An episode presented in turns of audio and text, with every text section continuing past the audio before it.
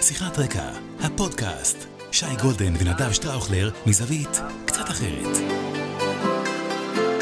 שיחת רקע, מתחילים. אהלן, אהלן, מה העניינים, מה קורה? אנחנו בפרק מיוחד, שיחת רקע, פרק מספר 15, פוגש את יאיר נתניהו, מה קורה יאיר? היי, נדב, שי, מה נשמע? ברוך השם, מעולה. מה, כבר 15 סחבנו? 15 פה, והאמת שאנחנו גם מתרגשים, כי אם אני לא טועה, אנחנו בעצם אה, נמצאים כאן בפרק השני של יאיר, אחרי הפרק שהיה עם אה, בנו של בולסונארו, אם אני זוכר נכון, שיחה מאוד מעניינת שהייתה טרנס-אטלנטית, כן. מרתקת, כדאי מאוד לצפות ולהאזין. ואנחנו כאן עם יאיר, שתכף אה, נשמע... זו פעם ראשונה בעברית. הנה, זה פעם ראשון שלי בעברית. בעברית. נגיד שאיתנו כאן גם רני אשל, אה, עורך, מפיק, במאי, צלם, מגן ימני, חלוץ, קשר והאיש והפוד. אז תודה רני, ותודה יאיר שאתה איתנו, ואנחנו פה בעצם בפוד משותף. זאת אומרת שהפודקאסט הזה אה, עולה אצל אה, יאיר, וגם עולה במסגרת שיחת רקע. אנחנו נעשה פה שיח משולב, שיאיר ינחה, ושייקי, אתה תיקח פה גם פיקוד קצת על ההנחיה, ואני אנסה ככה לא להפריע בין לבין. אה, וזה ככה דברי הפתיחה. יאיר, מה העניינים? מה שלומך?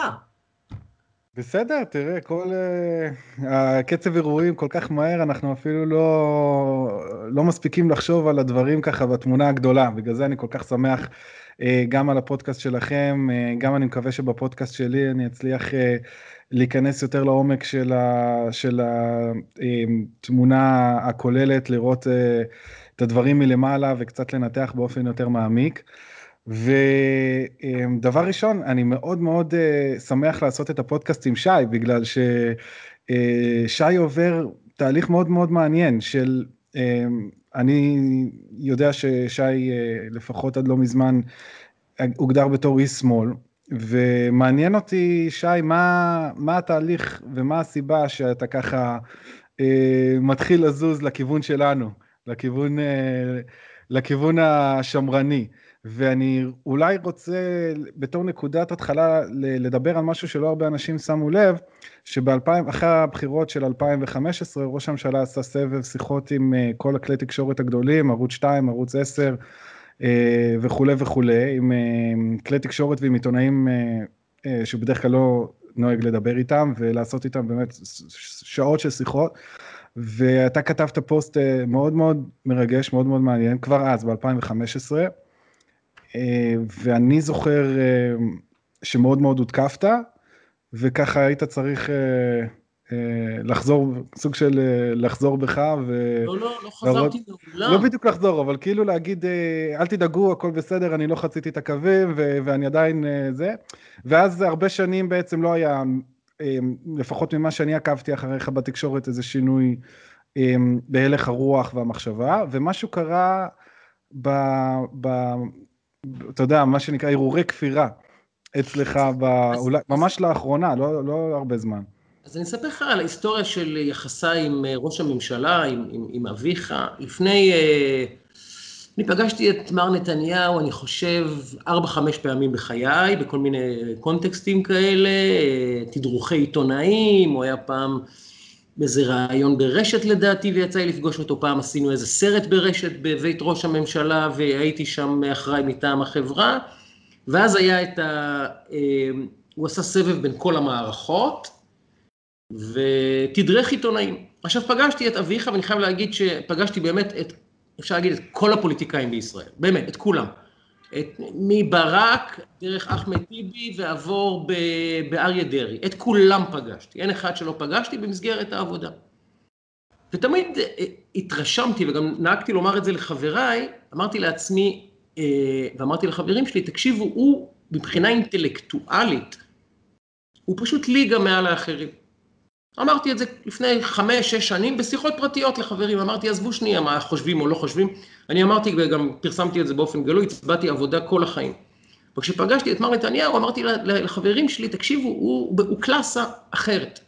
ויצאתי מהתדרוך הזה, שנמשך לא זוכר כמה שעות, שלוש או ארבע או חמש שעות, שזה היה מדהים, הוא עמד שם חמש שעות ודיבר כמו מכונה, ובאמת, כל מה שהוא שתה זה כוס מים, זה היה מטורף לראות את זה, חמש שעות, כוס מים. ושיר, שהיא היום לדעתי אה, אה, הדוברת, אה, מדי פעם הוא היה מסתכל, הוא אומר לי אם אפשר כוס מים, באמת פעם, פעמיים בחמש שעות. הגענו נבחרת של 15-18 אנשים מרשת, לא כולם פרצופים מוכרים, היו גם כמה אנשים מאחורי הקלעים, ומה שהדהים אותי זה שהמנכ"ל אבי צבי דאז עשה סבב ואמר זה פלוני, זה אלמוני, זה יוני, זה ג'וני, רק שלושה ארבעה היו מוכרים, היו שם צופית גרנט, אברי גלעד, אני, מיקי חיימוביץ' והילה קורח, וזהו נדמה, נדמה לי, וכל היתר אנשי uh, מאחורי הקלעים שהם לא מוכרים. והוא שמע את השמות, והוא התחיל לפנות לאנשים בשמות שלהם, אחרי פעם אחת שהוא שמע אותם. ואמרתי, what the fuck? הוא לא ראה את האיש הזה בחיים, הוא לא שמע את השם הזה בחיים, הוא לא יודע מי האיש הזה, אין הסתברות סטטיסטית שהוא יודע איך קוראים למפיקה הראשית של רשת, דנה מדלינגר, שתהיה בריאה, והוא פנה אליו, אמר לגברת מדלינגר, היא שאלה אותו משהו, הוא אמר לה, גברת מדלינגר, אמרתי, וואו, איזה, איזה קומפיוטר יש שם בראש. ויצאתי משם וכתבתי כמה מילים טובות. לא כתבתי, אני מצביע מחל, לא כתבתי, אה, אה, אני יודע, שתי מדינות, סליחה, אה, שתי גדות לארץ אחת, לא כתבתי כלום, רק אמרתי, נתניהו, תקשיבו, יש שם בתוך הראש הזה הרבה הרבה חומר אפור, ואני התרשמתי מאוד. מה שאני חטפתי, יאיר, אמרתי, מה זה? עכשיו, זה היה מתקפה, אתה עובר מתקפות רשת, אתה, אתה, אתה, אתה יודע מה זה. זה כמו עדר של בפלו ששועט עליך, מכל כיוון. בטוויטר ובאינסטוש ובפרטי ובמיילים וכמובן מאמרים כותבים ופשוט כל הרדיו עליך. אמרתי, מה אמרתי? מה אמרתי? אמרתי שהאיש גאון. סליחה, א', סטטיסטית זה נכון, אנחנו יודעים שהוא גאון, יש מבחני איי-קיו שנעשו, וב', הוא באמת, אז, אז מה הבעיה אם הוא גאון? אני חייב לשאול אותך אם אותם אלה שהתנפלו עליך אז, זה אותם אלה שלפני שבועיים אה, הספידו את אה, סעיב עריקאת שהקדיש את חייו, אה, חלקם, זה אותם אלה שהקדיש את חייו להשמדת ישראל. ממש, אותה חבורה. כן. ומה ש... לדעתי יש סיבה מאוד מסוימת להתנפלות הזאת ולאלימות הזאת, דווקא כלפי מי ש... מתוך המחנה, ולא כן. מי שכמוך, כמו אה, אה, גדי טאוב עד שהוא חצה לגמרי את הקווים, כמו אה, גם מירית ציפור הייתה במין אה, כנרת בראשי, שרק בבחירות האחרונות התמונת פרופיל שלה הייתה עם הפתק של אה, אה, אמת, של אה, מפלגת העבודה. זה כדי, מין איזה, אתה יודע, לפחות זה, זה ככה אני רואה את זה, אה, השמאל יש לו מנטליות טוטליטרית, זה השמאל שאוהב את השורשים שלו ממקורות מרקסיסטיים, זה לא, זה לא איזה סוד הרי, כל, כל, כל ה, אה, מפא"י והעלייה השנייה מקורה במקורות מרקסיסטיים, ואצל המרקסיזם האידיאולוגיה זה דת, וברגע שאתה כופר בדת זה כמו, אתה יודע, כמו שהיה בימי הביניים בכנסייה הקתולית, זה, זה חילול הקודש, זה לא דעה אחרת, וזה מסוכן מאוד, כי ברגע שאתה מתחיל לערער אירועי כפירה, אז אתה יכול למוטט את כל היסודות של הדת, ואת כל ה... אז אסור לתת, צריך מיד עם שוט כזה, להעניש כל אחד שמעז לחרוג, כדי שאחרים יראו וייזהרו ולא יחשבו על זה אפילו. וגם אם יש להם הרהורי כפירה, הם ישמרו אותם לעצמם. ולא יעזו להתבטא, ואז עוד אחד ועוד אחד, ואז כל המגדל יכול להתמוטט. עכשיו אני אוסיף, אני אוסיף עוד משהו, לא רק ש... זה לא שיש גזירה שווה בינינו, אנחנו בסיטואציות שונות, גם בחיים, גם בכל ההיבטים, אבל יש משהו משותף. אה, תופעה שהיא מוכרת, שנקראת אד הומינום. כלומר, אה, לעשות לאדם איזושהי הפשטה של האנושיות שלו. עכשיו, אתה יכול לא להסכים איתי, אתה יכול גם לא להסכים עם יאיר נתניהו. אוקיי? אתה יכול לא להסכים עם דעותיו, לחשוב שהכל שטויות. אתה יכול לא להסכים עם דעותיי, לחשוב שהכל שטויות. אבל אז זה הופך להיות לגופו של בן אדם כבר. ואז מתחילים העלבונות האישיים. מערערים בכל הלגיטימציה שלי כסופר, כעיתונאי, אתה שתול של ביבי, אתה מושחת, אתה מקבל כסף, אתה מחפש עבודה, מה לא? כי העזתי להביע דעה, זאת אומרת, זה כבר לא לגופה של הדעה, אף אחד לא מתמודד עם הדעה. אותו דבר יאיר, שלפעמים כותב דעות ומקבל תשובה על איך הוא חי, איך הוא מתפרנס, איך הוא זה, אני אומר, מה זה, מה זה קשור? מה זה קשור? תתייחסו לדברים. לא רוצים להתייחס לדברים, תתעלמו, לא חייבים לענות אגב. לא חייבים לענות, אפשר להסתכל, לראות ציוץ ולהגיד אני עובר הלאה. אבל אם אתה עונה, אז תענה לגופו של ציוץ, או לחלופין, אל תענה. ואז מה עושים? עוברים לגופו של יאיר, לגופו של שי, זה בכלל שיח ישראלי חדש כזה, שבו אם כנרת לא מוצאת חן בעיניך, אז היא לא משכילה, והיא מטומטמת, והיא מחפשת עבודה, והיא לא יודע מה, והיא כבר לא עורכת דין לגיטימית, והתואר שלה הוא פייק, ועל כל אחד ממציאים סיפורים ומערערים לך את כל הלגיטימציה שלך, כי העזת להביע דעה שונה משלהם. אבל בתור, לי... אה, בתור מצטרף אה, חדש למחנה, אני לא יודע עד הסוף, אבל עד כמה זה יקרה, אנחנו בדרך לשם, עוד. שתי פודקאסטים, אנחנו נגרום לך לחצות את הרוביקון. בעברית, בעברית. כן, בעברית. אז אה, זה לא משהו חדש שהרוויזיון, שהימין בארץ לפחות מכיר, הרי לז'בוטינסקי השמאל קרא וגם בן גוריון קרא ולדימיר היטלר, השם הפרטי שלו היה ולדימיר. אה, בגין כמובן היה אה, פשיסט והיה אה, טיפוס היטלריסטי מובהק, אמרה עליו שולמית אלוני וכולי וכולי. אין פה שום דבר חדש, האד הומינום הזה, אפשר לחזור אחורה לספרים של מרקס ולנין, איך עושים מהפכה ואיך עושים פרופוגנדה, תמיד ללכת על הראש של האנשים, לא להתווכח איתם באופן ענייני, ועקרוני ועל הדעות ועל העובדות, אלא פשוט להשמיד את הבן אדם. כי כך זה פשוט מבחינה אה, יותר קל, יותר קל להגיע למטרה ולשלטון, כשאתה משמיד את האויב שלך ורומס אותו, ולא מנהל איתו די שיח, בגלל שאני לא, אה, לא, זה לא שאני לא חושב, זה ברור לכולם שהאידיאולוגיה המרקסיסטית היא אה, אנטי דמוקרטית, היא לא מאמינה בשיח חופשי, היא לא מאמינה ב-free exchange of ideas, כמו שהיה בארצות הברית עד לא מזמן, והיא מאמינה שהיריב הפוליטי שלך הוא לא יריב שטועה, אלא אויב, ואני חושב שרואים את זה יותר ויותר אה, אצל השמאל, גם בארצות הברית, שזה דבר חדש, וגם בישראל, אה, שבעצם הם לא רואים בנו אנשים שאפשר להתווכח איתם, הם רואים, בנו אני אומר הימין, הם, הימין הוא נאצי, הוא פשיסטי, אז אין טעם להתווכח. לא, לא צריך הרי להתווכח עם, נאצ, עם ניאו-נאצי או עם פשיסט, לא צריך להסביר למה הדעה שלו לא נכונה, אתה פשוט uh, משתיק אותו. ואנחנו רואים את הקריאות להשתקה, אנחנו רואים שזה כבר קורה באמריקה, שפשוט מצנזרים את נשיא הברית על ימין ועל שמאל בלי, בלי למצמץ בכלל. אה, היה את זה גם בכל המערכות בחירות האחרונות בארץ, שפייסבוק התערבה באופן מאוד מאוד בוטה ודאגה להוריד את החשיפה וכל מיני טריקים כאלה באלגוריתם להוריד את החשיפות של העמודים של הליכוד ושל אבא שלי וכל מיני, גם שלי, כל מיני עמודים אחרים. וזה תהליך מאוד מסוכן, זה תהליך מאוד מסוכן לכל מי שמאמין בחופש הביטוי ובדמוקרטיה, בגלל שגם אם כרגע זה מופנה כלפי הימין, אחרי שכביכול המטרה תושג, אז תמיד מהפכות אה, קורות, לדוגמה אחרי המהפכה הצרפתית, אחרי המהפכה הצרפתית, אחרי שהורידו את הראש של המלך, אה, זה לא נגמר שמה. כן. התחיל הטרור הגדול, וכל ראשי המהפכה עצמם, רובספייר וכל מי ש... הוצאו להורג בגיליוטינה. אה, והיה את שלטון הטרור של איזה 20 שנה, 30 שנה, עד שעלה דיקטטור בעצם, נפוליאון, בשם ערכי המהפכה והשוויון והאחווה וכל הזה. יאיר, אני רוצה לשאול, מה... דיברת אפרופו, אנחנו כן על השיח החופשי, ואנחנו חורטים פה על הדגל של ה pod, את ה... בין היתר את העניין הזה של השיח, ולדבר ולהעמיק על הדברים. אני חושב שזה חלק מהקונספט בכלל של פודקאסט ושל, ושל שיח, של דעות. ו... ודיברת על הנושא התקשורתי, ו... ואני שמתי לב, אה, אתה יודע, זה ניכר ב... לא יודע, בתקופה האחרונה, אה, לא רק הטוויטר, זאת אומרת, גם אה, בגלי ישראל, וגם הנה, פרק שני, לכבוד לנו בפודקאסט, אה, ונראה שכאילו אתה יותר אה, מתחבר או מעורב, או אולי מנסה לשנות את התקשורת במידה מסוימת, ואני סקרן אה, לשמוע איך, איך אתה רואה את הדברים, את הכניסה שלך, מאיפה זה התחיל, מאיפה זה בא, לאן אתה, לאן אתה רואה את זה, אם זאת שאיפה, או מאיפה זה, מה ה incentive שלך לעניין. ואני רק אעשה לו disclaimer לפני שהוא ייתן את הרקע, כי אותי מעניין איפה זה התחיל, איפה הוא קיבל את ההחלטה לעשות את ה...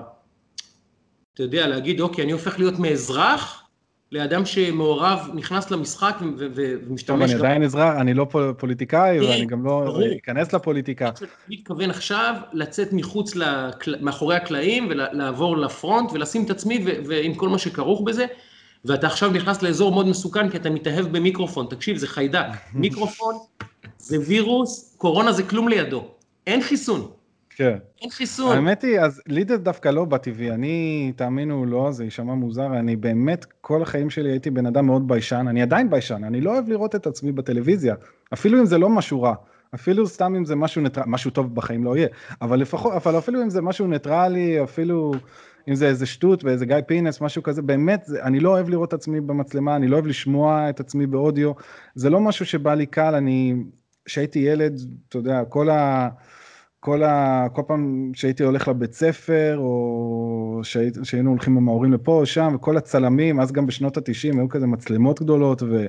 ופלאשים כאלה, זה לילד בן 4-5, זה, זה טראומה כזאת מאוד, אה, אה, מאוד רצינית, שגרמה לי להמון המון שנים להיות מאוד אנטי מצלמות, אנטי, כאילו כל דבר מאוד מאוד נכבה על הכלים. ו... אבל מצד שני, כל החיים שלי אני ראיתי את הטלוויזיה. אפילו מאז שאני חמש-שש, וראיתי שאומרים על ההורים שלי גם דברים נוראים, אבל גם דברים שאני יודע שהם שקרים. בגלל שאני יודע, אני, אני שואל אותה, אני יודע מה האמת. ואין לך, אתה כאילו יושב, מתעצבן מול הטלוויזיה ורוצה לזרוק איזה משהו על הטלוויזיה ולתלוש את השערות מרוב עצבים על השקרים שהם אומרים, ואין לך איך להגיב. אנחנו מדברים לפני עידן הרשתות החברתיות, עוד מי שהייתי ילד בשנות ה-90, תחילת שנות ה-2000, אתה רואה את השקרים וזהו, הדובר אה, מוציא תגובה, הדובר של, אה, אתה יודע, של ראש הממשלה, לא יודע מה, ראש הממשלה, או ראש שר האוצר, ראש האופוזיציה, מוציא תגובה, הכלי תקשורת, ערוץ 2 או ערוץ 10, או מה שפשוט מחליט, אה, או בכלל לא לשדר את התגובה, להתעלם מהתגובה, או לצנזר 90% ממנה, להשאיר איזה משפט, את המשפט הכי חלש ולעקור אותה מתוכן, ואין לך מה לעשות. ואז שהתחילו הרשתות החברתיות, במיוחד עם העלייה של פייסבוק ב-2009, 2010, ככה פתאום פעם ראשונה, אבא שלי קיבל כלי לעקוף את המנגנון הפרופוגנדה הזה שיש בטלוויזיה ובעיתונים וברדיו, ולדבר ישירות לציבור בלי שאיזה עורך שמצביע מרץ יחליט אם התגובה שלו נראית לו או לא נראית לו, ואם אפשר, אה, ואם הוא מועיל בטובו לתת איזה משפט או שתיים מתוך התגובה. הוא פשוט, אה, זה שינה את כל המציאות בישראל, מהקצה לקצה, פעם ראשונה למחנה הימין, שהוא הרוב, אבל אף פעם לא היה לו שום פתחון פה בתקשורת. פעם ראשונה, גם היום אין לו פתחון פה בתקשורת, אבל פשוט מהרשתות החברתיות, פעם ראשונה היה לו דרך להביע את דעתו, ואז לראות עם החברים, היי, זה לא רק אני ככה, זה לא רק, hey, גם אתה ככה, גם, גם השכן ככה, גם, ה, גם הדודה שלי וכולי, וכולם, כולנו חושבים את הדבר הזה שרק אני חשבתי ש, ש, שאני חושב ככה, ופתאום אני רואה שכולם חושבים ככה. אז זה היה שינוי מאוד מאוד גדול. וזה מאוד מאוד עניין אותי, ואחרי שאני גם התחלתי להיחשף לכלי הזה מן הסתם, כמו כל אחד בגילי, פייסבוק, טוויטר פחות, אז לא היה לי טוויטר, אבל אה, ראיתי, וואו, כל הזמן דגדג לי לכתוב איזה פה, כאילו לה, לה, לה, להוכיח את השקרים של אה, הכתבה הזאת שהייתה בערוץ 2, או הכתבה הזאת שהייתה בערוץ 10, ולענות להם ולהחזיר, אבל עצרתי את עצמי כי אמרתי, זה לא שווה, אני אחטוף על זה כל כך. והמחיר של אה, לחשוף את האמת או להגיב או זה לא, לא שווה את, את מה שאני אחטוף את הזה. אה, אני מזכיר לכם, מה שהיום נראה שאני כאילו, זה ברור לכולם שאני מביע את דעתי וכולי, זה לא היה עד לפני כמה שנים, עד לפני נכון. לדעתי ארבע שנים, נכון. לא היה לי טוויטר, או שלוש שנים אפילו, לא היה לי טוויטר, היה לי פייסבוק עם שם אה, בדוי, שסגור רק לחברים שלי, וכמעט לא העליתי שם כלום, ו... לא היה לי שום, לא, אף אחד לא ידע מה הדעות שלי אפילו, אנשים לא, לא ידעו כלום. אמ, יש איזה רגע שאתה מחליט לעשות מעשה ולחצות את הקווים ולהגיד יאללה, אני נכנס למים, לא מעניין אותי? אז כן, האמת היא, אמ, צריך להודות לגיא פלג, שבזכותו התחלתי להיות אה, אישיות ציבורית, בגלל שכשהוא עשה לי את ה... באמת את הרצח אופי הזה, הכתבה הנוראית הזאת, שבאמת צריכה הייתה לבייש גם את גיא פינס, כאילו, באמת אין בזה שום ערך עיתונאי, שום ערך חדשותי. ספק פלילי לגבי הנושא של אה, האזנת סתר, כי אותו מי שהקליט את השיחה הוא לא היה חלק, הוא לא דיבר איתי ולא היה חלק מהשיחה, יש פה זה, אבל לא משנה. אה, לא אתי, לא עיתונאי, לא, בשום מובן שהוא, הרי אני לא אישיות ציבורית, תכלס, דיבר, הייתי ילד בן 22 או משהו כזה, שמדבר באוטו כשהוא קצת שתה אחרי לילה אה, של מסיבה כאילו, ומדבר צחוקים ודחקות וכל מיני סתם שטויות שאתה כאילו זורק דחקות לחברים, כאילו, מן הסתם אתה לא באמת מתכוון לשטויות שאתה אומר. אה, וכל אחד, אני חושב, מאיתנו שהיה מוקלט בסיטואציה שהוא מדבר שטויות עם חברים בשלוש בלילה, שילד בן 22, אה, אפשר למצוא דברים, זה, אין לזה שום כאילו ערך, אבל אחרי שהוא עשה את זה, ובעצם שפך את דמי בפני כל המדינה, ובייש אותי וביזה אותי בפני כל המדינה, ועברתי סוג של באמת לינץ' ברמה, ברמה שלי הייתה מאוד קשה, כי אני הכרתי לינצ'ים על ההורים שלי, הכרתי על אימא שלי, הכרתי על אבא שלי, אבל זה נשמע מוזר, אבל כשזה על עצמך זה אפילו יותר גרוע. זה יותר גרוע מבחינת ה... זה כאילו...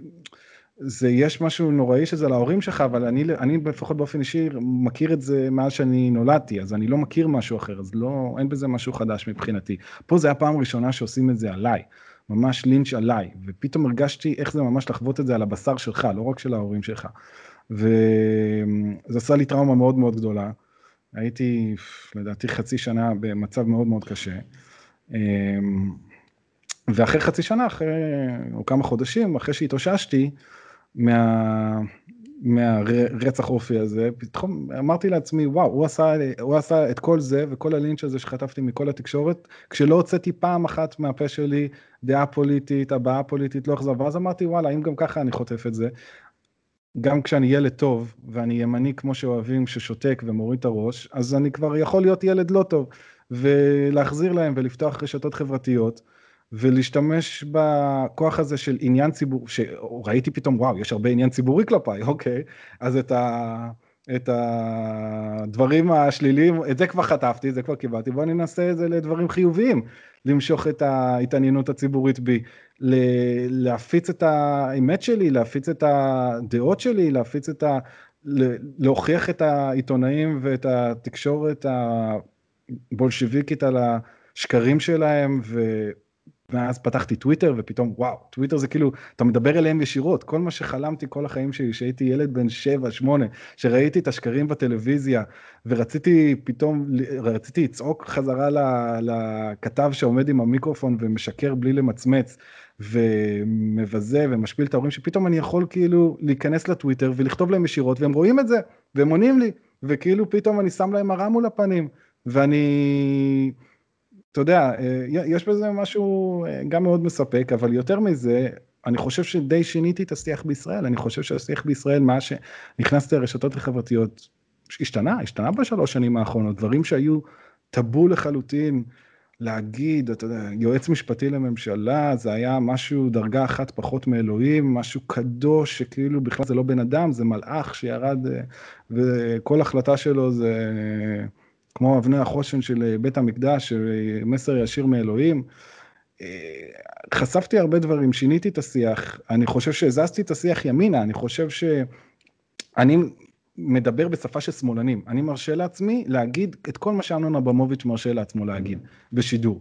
אין לי רגשי נחיתות, אני לא רוצה ליטוף מעיתון הארץ, אני לא רוצה שהם יאהבו אותי, אני לא רוצה שהם יגידו עליי דברים טובים, הם מבחינתי אנשים שאני, לא אכפת לי מה הם חושבים עליי, אה, אנשים ממש ממש רעים, כל הברנז'ה שמה, ואני לא, לא מצפה מהם לכלום, אני רוצה להילחם בהם, אני לא רוצה להתקבל למועדון שלהם, אני רוצה, מה שנקרא, לערער את המועדון שלהם. אני רוצה לדבר קצת על המחיר האישי שאתה משלם.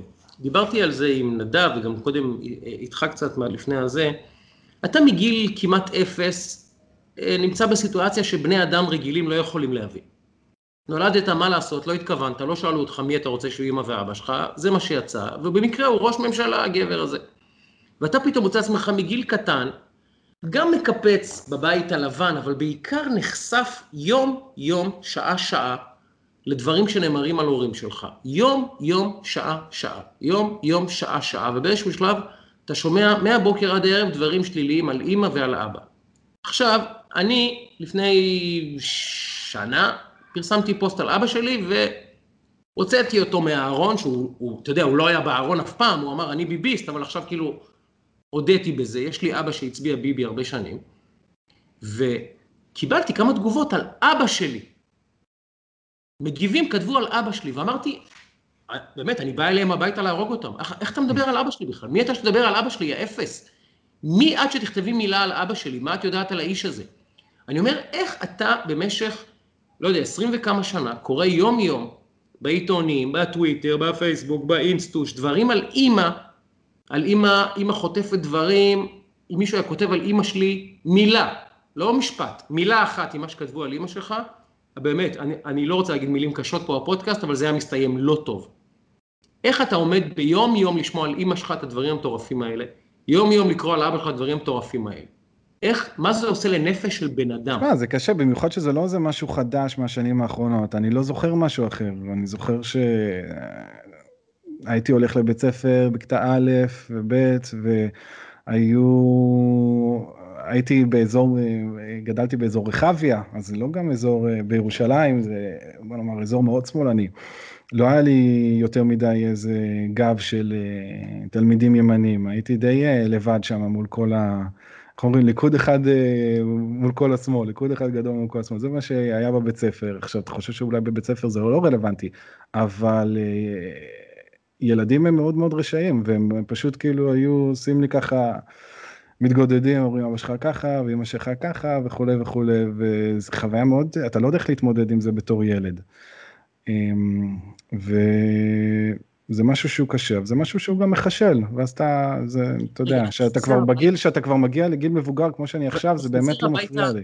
אתה חוזר הביתה כילד ואומר לאמא, אמא, מדברים אליי לא יפה בבית ספר, מה לעשות? כאילו, איזה עצה נותנים לך ההורים, איך להתמודד עם השיט הזה? הם מסבירים לי שככה זה, ושזה דעות פוליטיות של אנשים אה, שבמקרה לומדים, אבל הם, הם לא הרוב בציבור, וש, ושאני צריך להבין ש... זה פוליטיקה וככה וככה, אמ, אבל אה, זה קשה, אבל אתה יודע, עכשיו גם, זה דברים משנים, אתה יודע, זה יחזור משנות התשעים, אבל גם עכשיו, אתה יודע, עיתונאים כביכול, עיתונאים שהם לא עיתונאים, הם אה, תעמולנים מהזן הכי נחות והכי מלוכלך, כותבים דברים כאלה נוראים במשך שנים על, על ההורים שלי, עליי באופן אישי כבר, זה כבר הרבה שנים שזה כבר עליי באופן אישי ולא רק על ההורים שלי, ואז שאני כותב טוויטר איזה, אולי, אתה יודע, תגובה על משהו שכאילו בן אדם רגיל היה, לא יודע מה, דוקר את הבן אדם שכותב ככה על אמא שלו, ואני כאילו נותן איזה עקיצה עם ככה איזה מילה ככה, אולי כאילו, אתה יודע, ככה קצת עצבנית כזאת, כותב איזה, לא יודע, איך קיבינימט, כאילו, על זה, הרגע הוא כתב איזה מגילה על כמה שהבן אדם הזה, כמה שאבא שלי הוא היטלר, או כמה שאימא שלי ככה וככה, ואני כאילו הדבר הכי כאילו קיצוני בשיא של העצבים שאני כאילו כותב לו זה ווואו איזה חינוך הוא קיבל איזה גועל נפש איך הוא מדבר יאיר איך הוא זה כאילו בואנה כאילו. את, אתה יודע זה כמו כאילו ילד שנותנים לו סטירה עוד פעם ועוד פעם ועוד פעם ועוד פעם מבליג מבליג מבליג בסוף נותן סטירה חזרה ישר כאילו אתה יודע ישר אה, הולך אה, למורה ובוכה המורה תראי הוא הרביץ לי. כמו ה... יש כזה הרבה קריקטורות של הארגוני הסברה של ישראל של אה, Turning Point, אה, לא Turning Point, Stand With Us, כל הזה שיש אה, מלחמות עם עזה, שהם כאילו כל הזמן יורים עלינו טילים, יורים טילים, יורים טילים, אנחנו מבליגים או פיגועים וזה, ואז שאנחנו מחזירים להם ותוקפים אותה פתאום כל העולם, וואו, ישראל מפציצה בעזה, ישראל תוקפת בעזה, כאילו out of the blue, בלי, בלי קשר לזה שהם כאילו חודש לפני זה עשו טילים על כל הדרום, אז כאילו זה, זה מין איזה סוג, אה, אה, לא יודע, זה מזכיר לי את זה. אה, וזה מעצבן, ובהתחלה כאילו אמרתי, וואו, איך הם חושבים על זה, עכשיו לא אכפת לי, כי לא, לא אכפת לי מה האנשים האלה חושבים עליי, זה אנשים שאני לא רוצה את הערכים, ממש uh, the lowest of the low. ובגלל זה זה לא אכפת לי, אבל אתה יודע, זה מעניין אותי מה שאמרת לגבי אבא שלך, שבעצם אתה אומר שהוא היה כאילו סוג בשקט כזה, כן, אבא שלי זה סיפור מרתק, כי אני גדלתי בבית שבו הצביעו עבודה, אני קצת יותר מבוגר משניכם, אני זוכר בבחירות של 77, בדיוק הגעתי לבית של ההורים שלי אז, והיה את המהפך, אבא שלי עליו השלום, היה רוסי כזה שגר איתנו, הוא היה באבל. בגין כן. יהרוס את המדינה, מה יהיה, מה יהיה, מה יהיה, ואני רואה את אבא שלי אומר לו, מה, משהו ברומנית, הכל ברומנית, יהיה בסדר, אל תדאג, הוא נראה לי בן אדם טוב בגין, מה פתאום, הוא יהרוס את המדינה. ואימא שלי הייתה שמאלנית, לא הארדקור, זאת אומרת, אף פעם לא היה אצלנו שמאל הארדקור, אבל היינו מפאיניקים אמיתיים. עכשיו, לימים אני מתבגר, כשהייתי ילד פחות, אתה יודע, התעניינתי בפוליטיקה, אבל לימים אני מתבגר, מתחיל להתעניין בפוליטיקה בגיל 14, 15, 16, יושב בטלוויזיה, רואים אבא שלי חדשות. אני פתאום מבין שאבא שלי, אתה, אתה, אתה מקשיב לדברים, אתה, ואתה אומר בעצם, הוא ימני באמת, או באורגינל. כאילו, ימני, אמיתי. ואני אומר, איך אימא שלי לא מבינה שהוא ימני? ואני אומר לו, אבא, למה אתה מצביע עבודה? אני בכיתה ט', י', משהו, אומר, אבא, למה אתה מצביע עבודה? היו איזה בחירות. הוא אומר, לא, אימא וזה, ואי אפשר, אנחנו מצביעים עבודה כל החיים, וכולי וכולי וכולי. ואז אימא שלי, עליה שלום, הולכת לעולמה, והוא מתחיל להצביע מחל. כבר חמש, שש פעמים הוא הצביע מאז שהיא נפטרה. והוא אמר לי, שי, לא, לא יכולתי.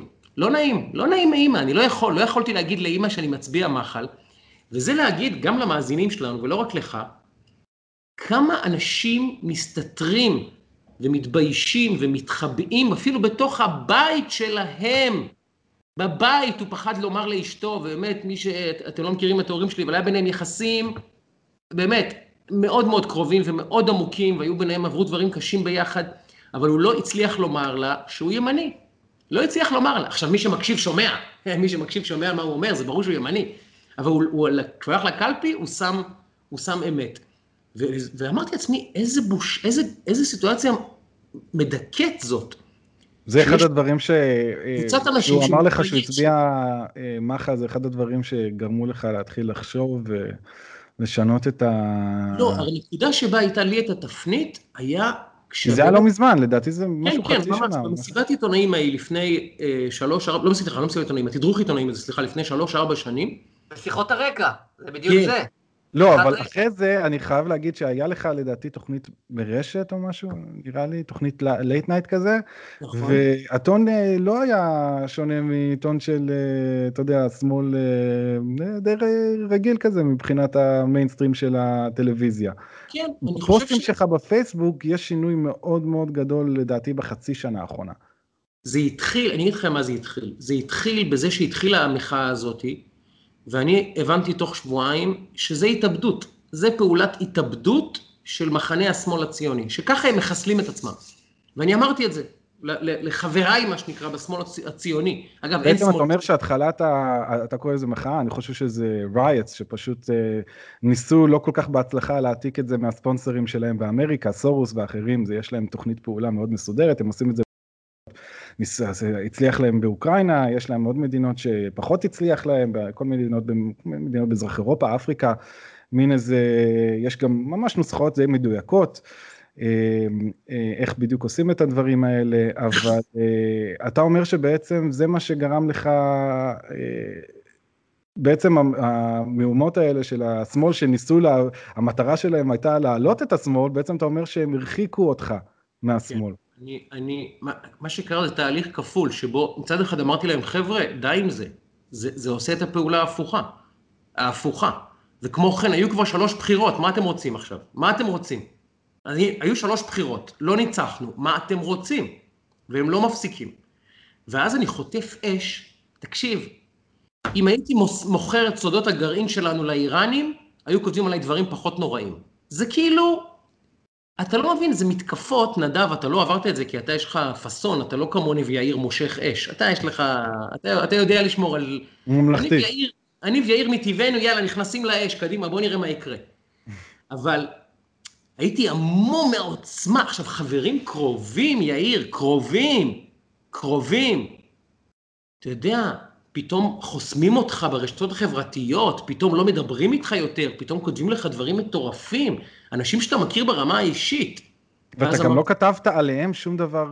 ברור שלא. לא כתבת בספציפית XYZ, או כן, אתה יודע. אה, הם כאילו לוקחים את זה אישית על זה שאתה בסך הכל, אתה דרך אגב, אתה לא ישר אמרת ביבי מלך, אתה כאילו קצת ביקורת בונה כזאת מתוך המחנה, מתוך אותו רצון משותף להשיג את אותו מטרה של שלטון שמאל, וכאילו... ואז הבנתי שיש משטרת מחשבות אמיתית. משטרה. פשוט משטרה, שאותה מנסחים אנחנו יודעים מי, כי איזה עשרה, חמישה עשר, עשרים, שלושים איש בתל אביב, אני מכיר את כולם, כי עבדתי עם כולם. הם מנסחים את, ה, את קווי הגזרה של המשטרה, ומי שמעז לחמוק, תסתכל את מוקי המסכן, מוקי המסכן, באמת, ה poster boy של השמאל בישראל, ה poster boy. כחול עיניים, יפה, שר שירים מקסימום, מי לא אוהב את מוקי? רדיקלי מאוד, לא תגיד מתון, הדעות כן. הפוליטיות הכי רדיקליות שאפשר בסקאפ. ומוקי בא יום אחד להפגנה בבלפור ואומר, חבר'ה, ה vibe לא מתאים לי.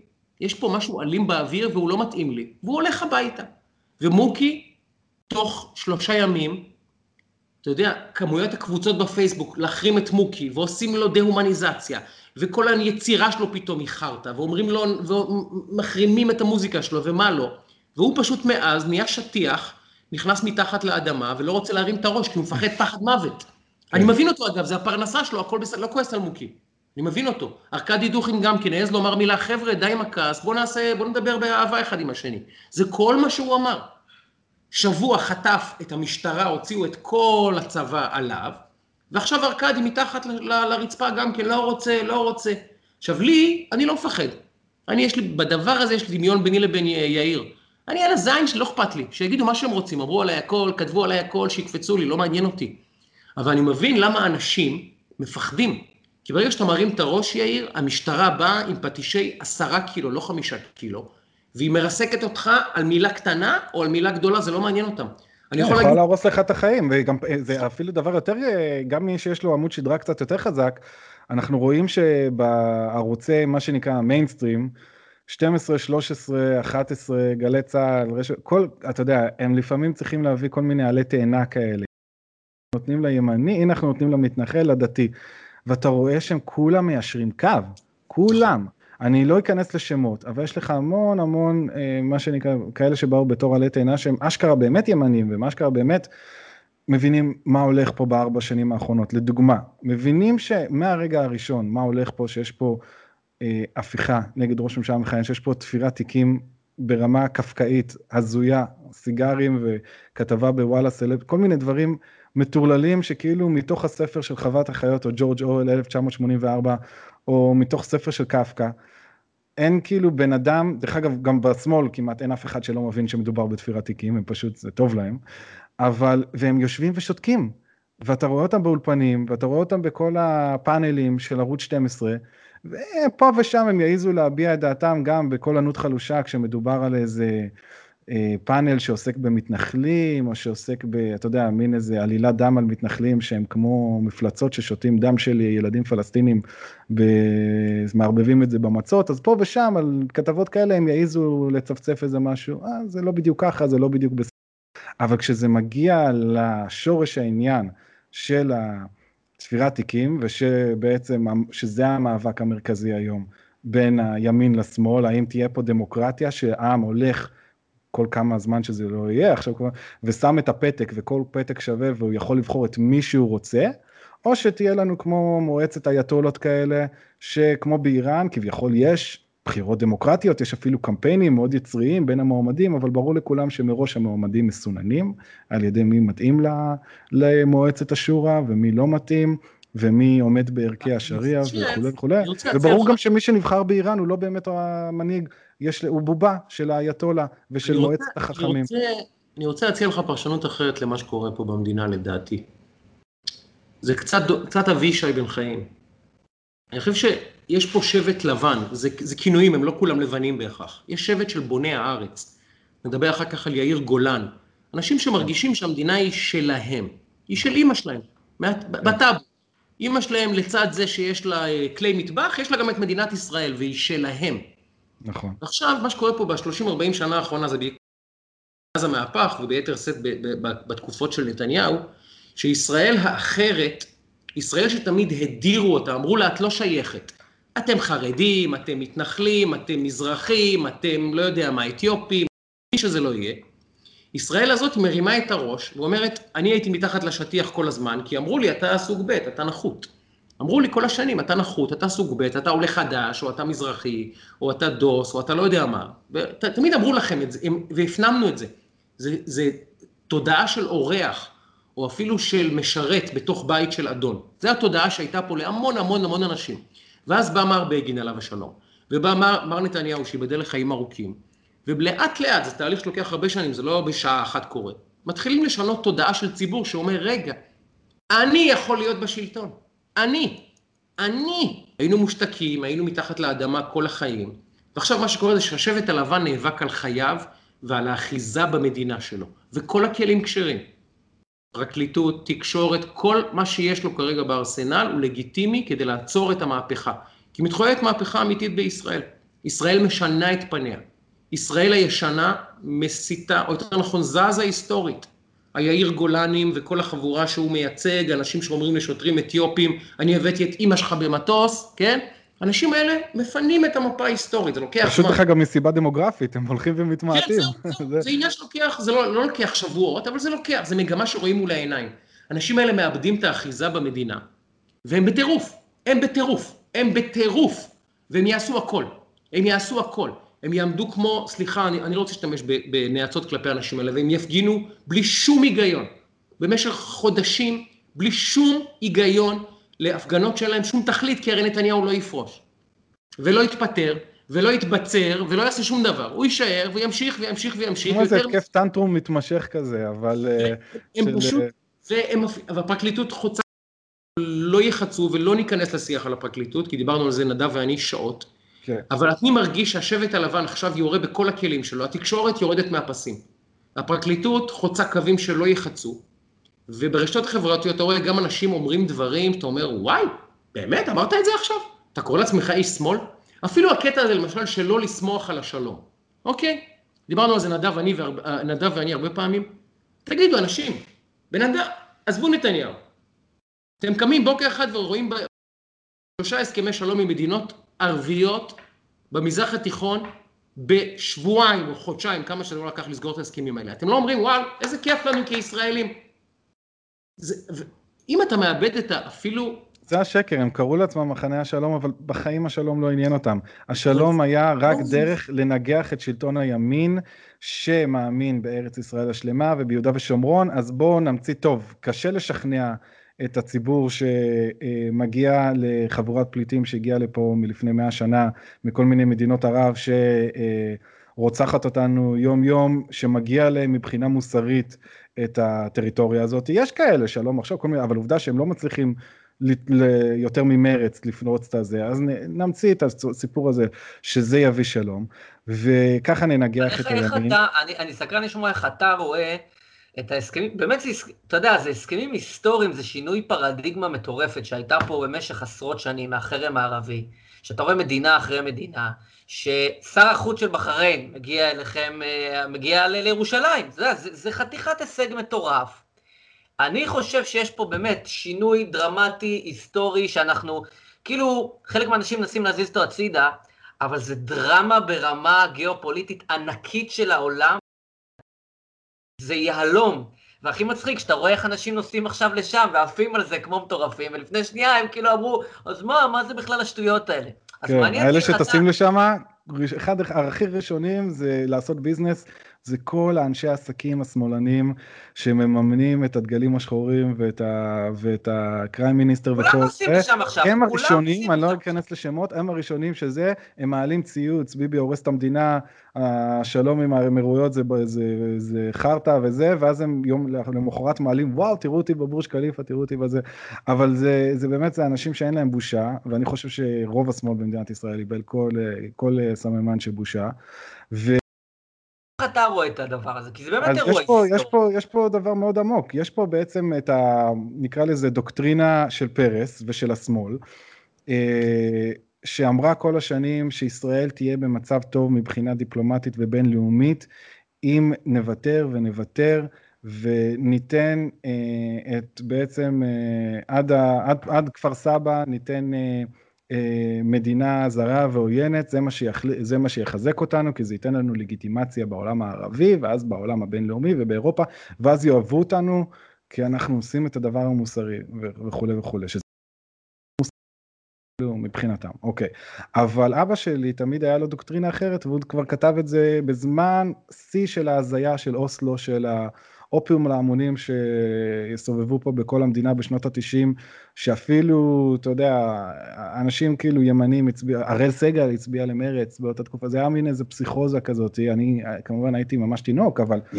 אני מכיר את התקופה הזאת מהסיפורים, שמה שאני שומע, וזה היה פשוט איזה מין הזיה כזאת, ושמענו גם על עורכי עיתונים שהגיעו אליהם מידע על כמה שבעצם הקלטות של ערפאת, שאומר שזה הכל אה, תעקיע כזה, זה הכל הטעיה כדי uh, להשיג תנאים יותר טובים ונוחים להשמדת מדינת ישראל, כאילו להשתמש.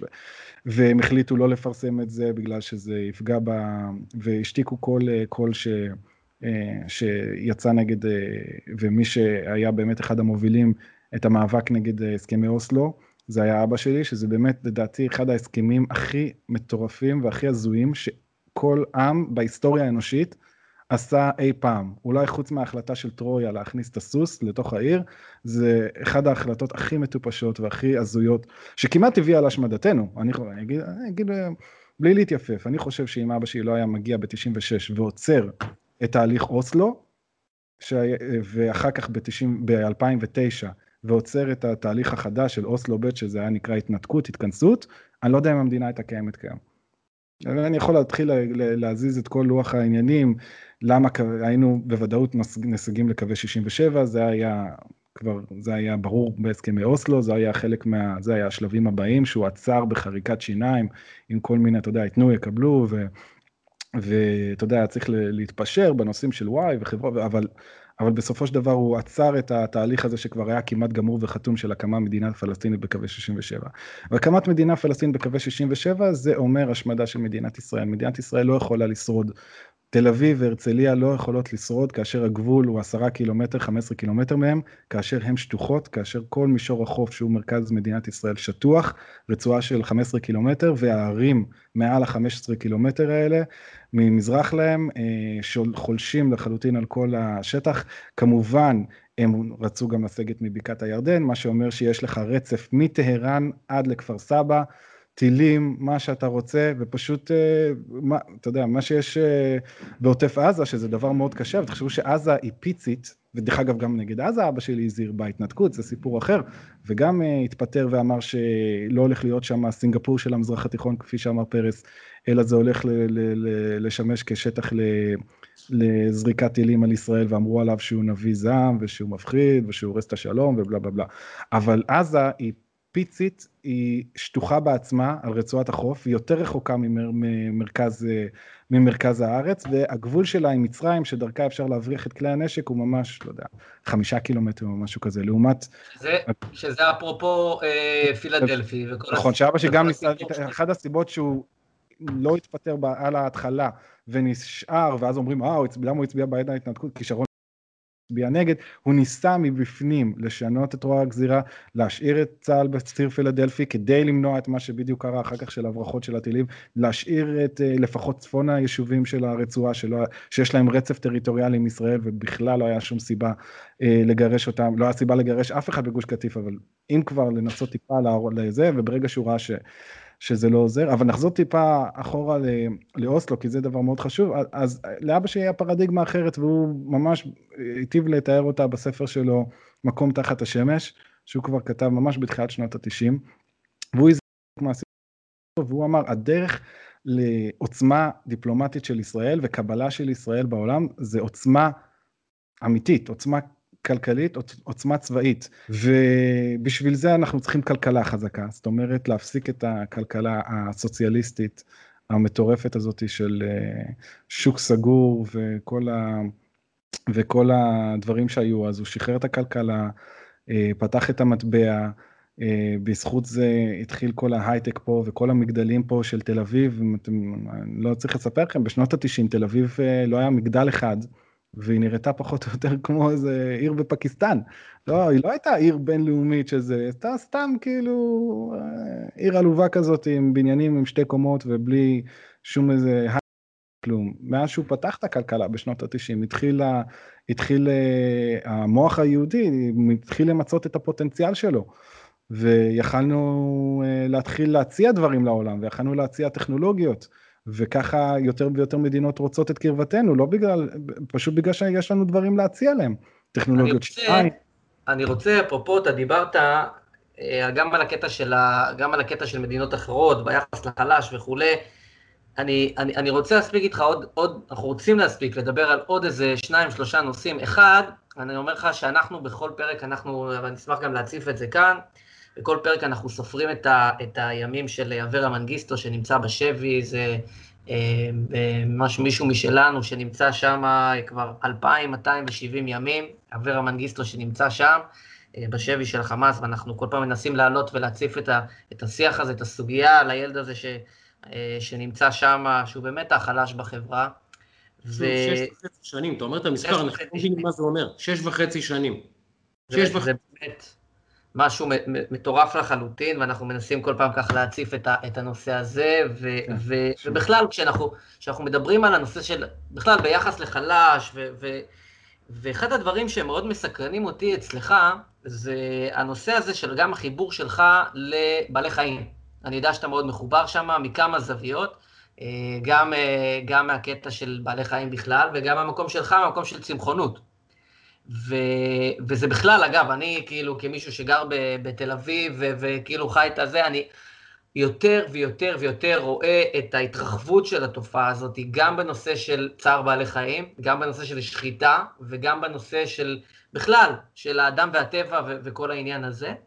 ואני יודע שאתה מאוד נמצא שם במודעות שלך וגם בהתנהלות שלך. וזה צד שאני, כאילו, נראה לי שפחות מכירים אותו, והייתי שמח לשמוע ממך, א', איך התחברת לזה, ואיפה זה פוגש אותך? אז אה, אני לא גדלתי עם חיות, היה לי איזה צבים שהיה איזה תקופה, אבל זה לא, אה, אתה יודע, זה היה גם לתקופה קצרה, למרות שמאוד אהבתי אותם. אבל אה, שלפני, לדעתי ב-2015, אימצנו את קאיה, שהיא כלבה מבוגרת, בינתיים היא נפטרה, ופעם ראשונה ממש חייתי עם, עם כלב, עם, עם ככה, אתה יודע, זה יום יום, ללכת לטיולים וכולי, ומאוד מאוד פתאום אתה מתחבר ל, ל, לכלב, אתה רואה איזה נשמה זה ואיזה רגשות, עצב, שמחה, אתה יודע, אהבה.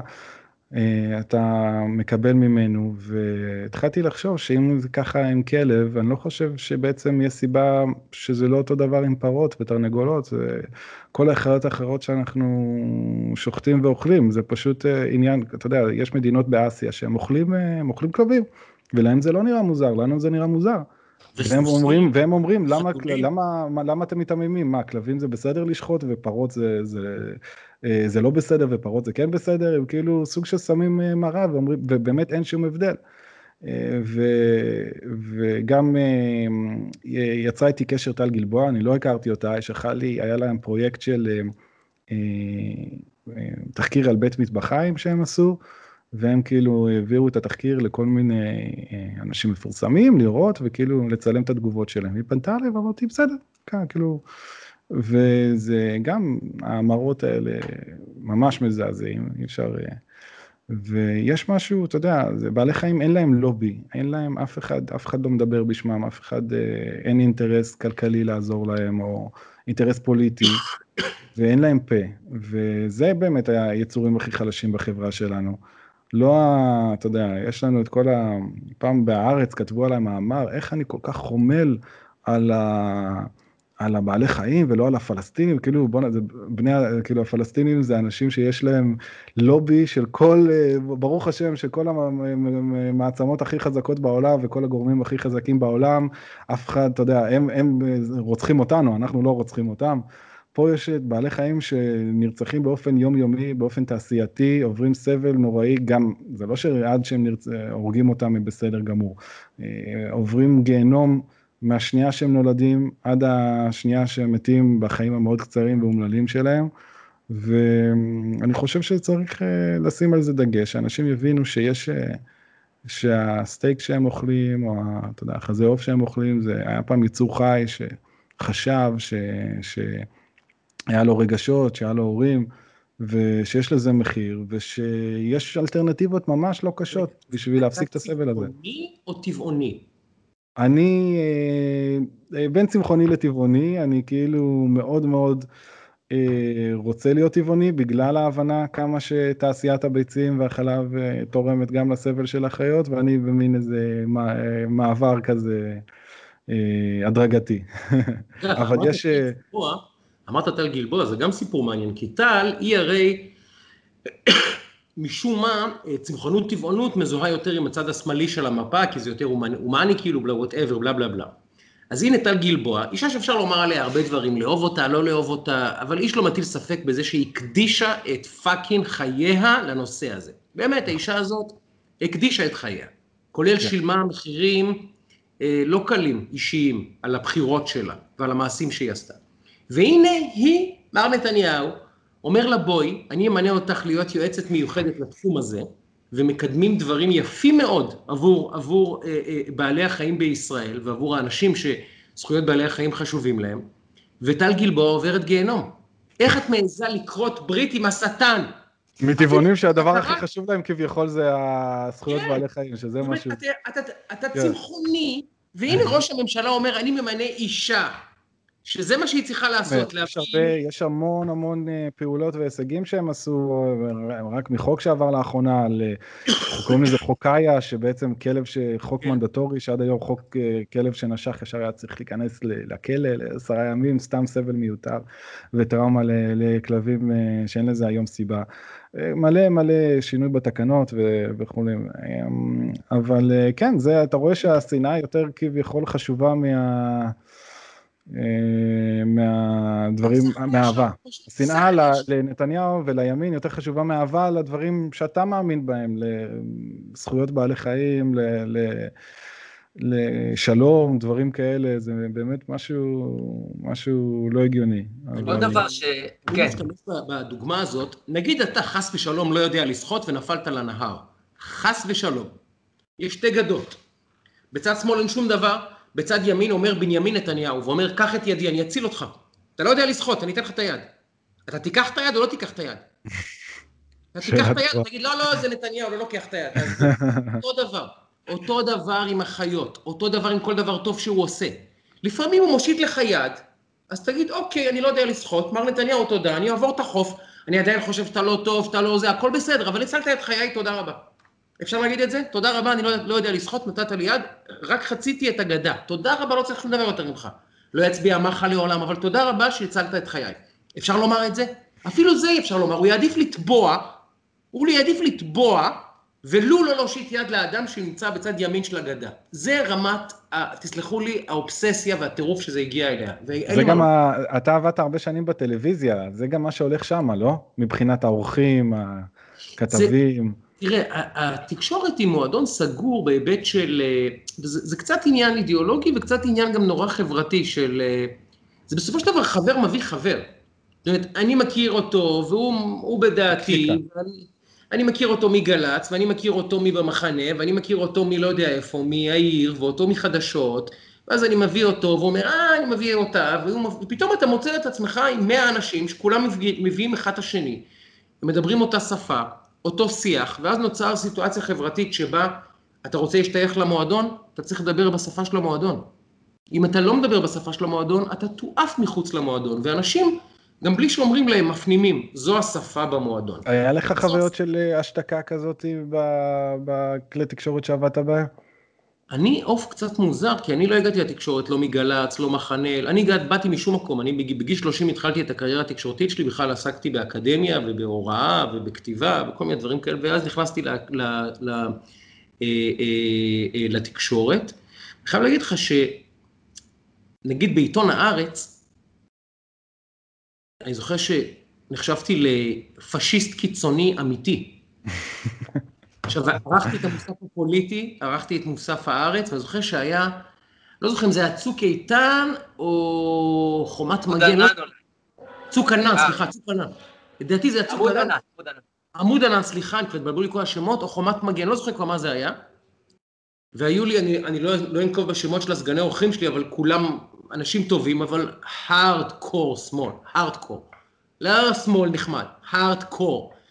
אלה שמקעקעים על החזה לך, כן? מקעקעים על ה... מקועקעים בלך. כן. ואנשים טובים, אורחים טובים, ואני עורך שלהם, והייתי, אני סך הכל אדם נחמד, אני רוצה לחשוב, והסתדרנו מצוין. ואז התחיל המבצע. אומרים לי, איך אפשר, וזה, והורגים ילדים, והורגים זה, והורגים זה. אמרתי להם, חבר'ה, שנייה, שנייה, שנייה, שנייה. מה צריכה לעשות מדינה כשיורים עליה מדי יום עשרות טילים, ללא הבחנה, על מוקדי אוכלוסייה אזרחית, בלי שום הבחנה, מתוך מטרה להרוג אזרחים, לא על חיילים, על אזרחים, באופן עיוור, עשרות טילים, יום, יום, יום, יום. מה צריכה לעשות מדינה? עזבו עכשיו ישראל. צ'ילה וגואטמלה יש להם גבול. נגיד שגואטמלה יום יום מטווחת אזרחים צ'יליאנים. לא משנה מה הסכסוך, אתם לא מבינים את הסכסוך, זה לא מעניין. אבל אם גואטמלה עכשיו מטווחת יום יום אזרחים צ'יליאנים, מה צריכה לעשות ממשלת צ'ילה? להושיט יד לשלום לגואטמלה או להגיד שנייה, שנייה חברים, בואו, בואו, בואו, בואו. לא, בואו רק נחשוב מה יקרה אם אה, קובה הייתה שולחת טילים על אה, מיאמי. למשל. יכולים לחשוב מה היה קורה לקובה. אז כאילו, והם אומרים לי, איך אתה יכול? אנחנו, אמרתי, אבל אתם יודעים מה, עזבו, אתם צודקים, אני איתכם, אני רוצה שתי מדינות לשני עמים, ואני חושב שיש זכות לעם הפלסטיני לביטוי, הכל בסדר, אבל ישראל, כשיורים על אזרחים, צריכה להגן על עצמה? או להגיד, לא, לא, פגענו בפלסטינים, אז עכשיו צריכים לשבת ולחטוף טילים על הראש כל יום? וזה הפך אותי לפשיסט מטורף בעיתון הארץ, זה שאמרתי שיש לנו זכות להגן על עצמנו, זה הכל, זה כל מה שאמרתי. כל מה שאמרתי. כן. עכשיו, עכשיו, ואתה מבין שכשאתה נמצא בתוך מחנה, בתוך קבוצה כזאת, השיח... דרך אגב שזה מדהים, כי השליש אה, מהבעלים באותה תקופה של עיתון הארץ היה אה, DuMont Schauberg, שזה תאגיד גרמני שהיה אחראי הראשי להפצת התעמולה הנאצית אה, אצל האס-אס והגסטאפו. הראש שלהם הנוכחי עד היום, שהיה אחד הבעלים של הארץ, היה ב Hitlerjugend בעצמו, ואבא שלו, שהוא ממנו ירש את התאגיד של DuMont Schauberg, הוא היה, אה, בעצם קיבל את אחד האותות הכי גבוהים אה, של האס-אס, אה, על תרומתו החשובה להפצת התעמולה בזמן המלחמה. והם קוראים לנו נאצים. כן, זה, זה, אגב, זה אגב דבר מעניין. לפני אה, אה, שלושה, ארבעה ימים מצייץ אה, סדי או סדי בן שטרית? איך הוגים את שמו? נראה לי סדי. סדי. צייץ סדי בן שטרית, תסתכל בורות. אני, אני גם אומר לחבריי בשמאל, חבר'ה, המצב, המצב מידרדר, א', אני קורא יותר מדי תגובות עילגות של שמאלנים, אתם מביישים את הפירמה, המון שגיאות כתיב, המון בורות, המון דברים מזעזעים, שאני אומר, חבר'ה, מה שנקרא, אם הייתם עובדים בארץ, הייתם מקבלים סטירה על הלחי בגלל העילגות, אבל בקטנה. אבל סדי בן שטרית מצייץ ביום חמישי או שישי, יולי אדלשטיין הוא סוכן קג"ב. עכשיו, אם סדי בן שטרית היה מגגל את השם יולי אדלשטיין, הוא היה מגלה שיולי אדלשטיין היה אסיר ציון, שנתפס, נחקר ועונה ונכלא על ידי הקג"ב שלוש וחצי שנים. בגלל שהוא העז לחלום לעלות לארץ ישראל ולפעול בחשאי כדי לעזור ליהודים להגשים את החלום הזה מאחורי משטר, משטר הברזל, קומוניזם, תקופה אחרת. כן, אבל הוא גם קרא לראש הממשלה היטלר, וגם, הוא לא בדיוק היטלר, זה גם. העובדה שאנשים לא מבינים את ה... אתה קורא לאדם שהוא קורבן של הקג"ב, קורבן של הקג"ב, שהוא פגש את הקג"ב האמיתי. ומי שלא חי במדינה קומוניסטית לא יודע מה זה קג"ב וסיקורטטה וכולי וכולי. לקרוא לו סוכן קג"ב. אני חושב שדווקא אצלנו במדינה אנחנו יכולים להבין דווקא טוב מאוד מה זה סיקוריטטה. קוראים לזה להב 443. זה הסיקוריטטה. מדינת ישראל. אני יכול לתת לך... אתה נעלם, אתה נעלם ולא אף אחד לא יודע שחיית לפני זה. אני יכול לתת לך דוגמאות באופן אישי. יש לנו פה אה, יחידת משטרה שכל כולה מכוונת למה שנקרא אה, אה, אוריינטציה פוליטית, כל כולה מכוונת כלפי פוליטיקאים מהימין, כל כולה מכוונת חקירות ברבע מיליארד שקל על חשבון הציבור, לנסוע לכל היבשות בעולם, כולל באוסטרליה, על חשבון הציבור כמובן, פרסט קלאס ו-five star hotels של החוקרים, לשאול אנשים איזה סיגר נתת לנתניהו בשנת 2007, אוקיי? ואותה יחידה מצד שני מתעלמת מנושאים של המימד החמישי, מתעלמת מהקלטות של היועץ המשפטי לממשלה, שמוקלט מבצע עבירות פליליות. אה, מתעלמת מהקלטה של שולה זקן מדברת עם אולמרט, שאולמרט מסיח לפי תומו, בלי שהוא יודע, ואומר אין עסקת נשק במדינה שאהוד ברק לא לוקח ממנה שוחד במיליונים ושם את זה בחשבונות בנק בשוויץ. זה פורסם, זה פורסם בערוץ 10, כלום, לא נפתחה חקירה, לא נפתחה... כלום. יש פה אנשים שהם מעל החוק, יש פה אנשים שהם מתחת לחוק, ואני חושב שדווקא אלה שמזהים תהליכים, לא שמים לב שהתהליכים הם עצמם. מקימים מיליציות עם חולצות שחורות שמסתובבות ברחובות ורודפות אחרי אנשים, מקימים פה, אתה יודע, זה, זה דברים מטורפים. יאיר גולן, יאיר גולן. פתאום פליליות לאנשים, לצנזר אנשים, ל, ל, להכניס לכלא מתנגדים פוליטיים, זה, זה בדיוק התהליכים, זה בדיוק מה שהולך פה. אפרופו תהליכים, יאיר גולן זה באמת אה, סוגיה מפליאה בפני עצמה, ואני רוצה עוד ככה לפני, לפני סיום, רציתי לדבר איתך גם על, ה, על הקטע שאביך וגם אה, אחיך, אני יודע שהם בית"רים, אה, אבנר מאוד בעניין, בתוך העניין, בכדורגל וספורט, ואתה כאילו, אתה פחות מוצא את עצמך שם, יותר במקומות אחרים. רציתי לשמוע כאילו, איך אנחנו נקיים את השיחה הזאת בעוד אה, עשר שנים, איפה נראה את אה, יאיר נתניהו? כאילו, איך אתה, איך אתה מכלכל את צעדיך כשאתה מסתכל קדימה? פוליטיקה, הבנתי שאתה לא בקטע. לא, גם לא ספורט, לפי השאלה שלך. גם לא ספורט. כדורגל אני כנראה לא אהיה.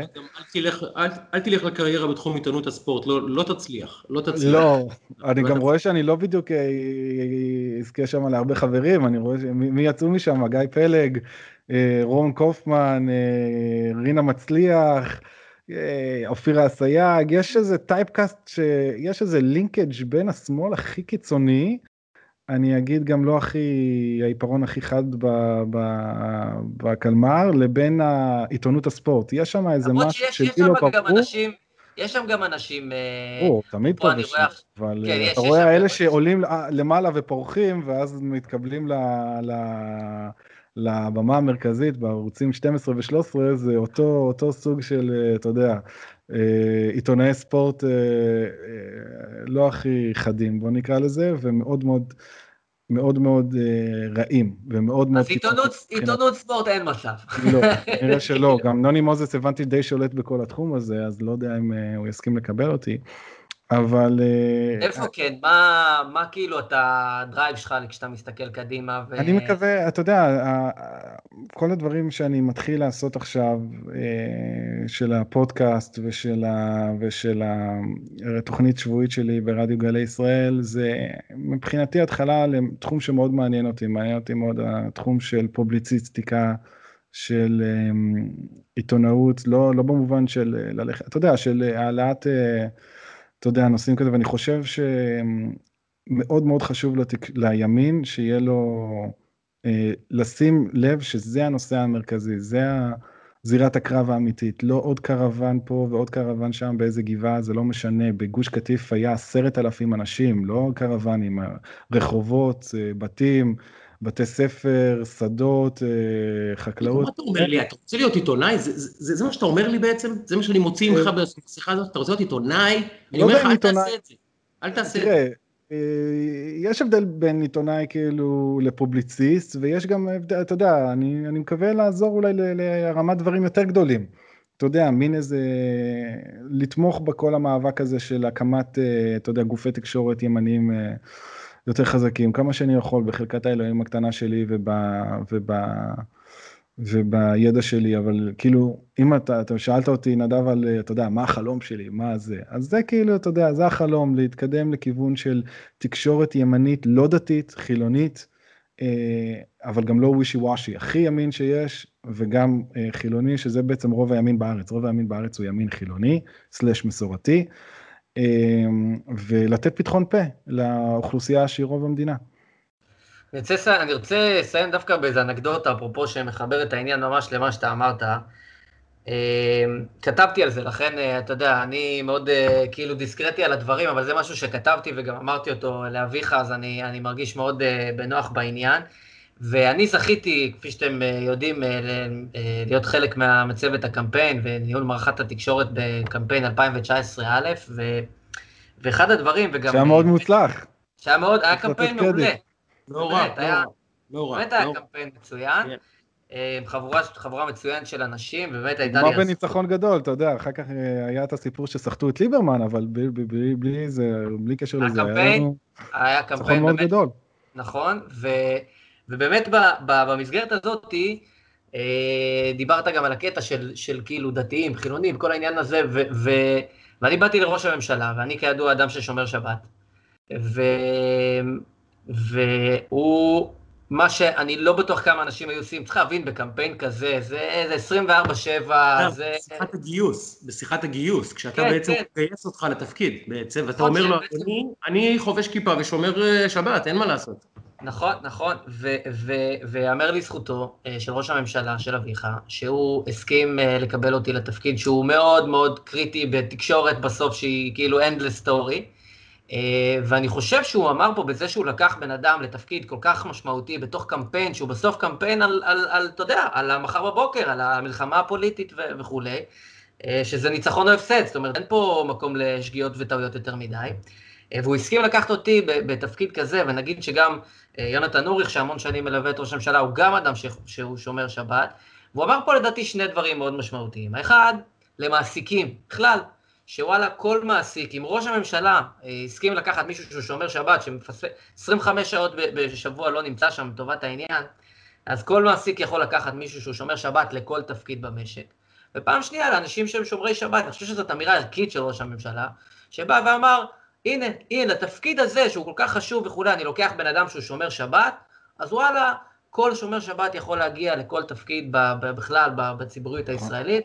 וזה אני אמרתי... שלי, אתה יודע, אה, היה תקופה שהוא ממש חזר בתשובה, אה, עכשיו יותר מסורתי, אבל הוא שומר שבת, ואתה יודע, מאוד אה, מחובר לדת ולמסורת, אז זה אני, משהו.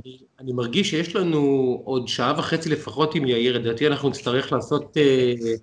דג לבט. לעשות פרק ב'. אני גם לא הספקתי לשאול איזה חצי מהשאלות שיש לי.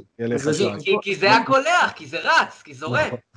בוא נקבע לעצמנו דייט בעוד כמה שבועות כדי לרענן את בנק השאלות. אני אשאל את יאיר שאלה מפתיעה אחת. תגיד, במה אתה צופה עכשיו בטלוויזיה? לא חדשות. יש לך סדרה שאתה צופה, איזה משהו? למה אתה עכשיו מכור, אם אתה בכלל מכור למשהו בטלוויזיה? אה, פעם הייתי רואה סדרות, אבל עכשיו אני יותר כזה, אתה יודע, מזפזפ כזה ערוץ הטיולים, נשת ג'אוגרפיק, אה, mm. דברים כאלה.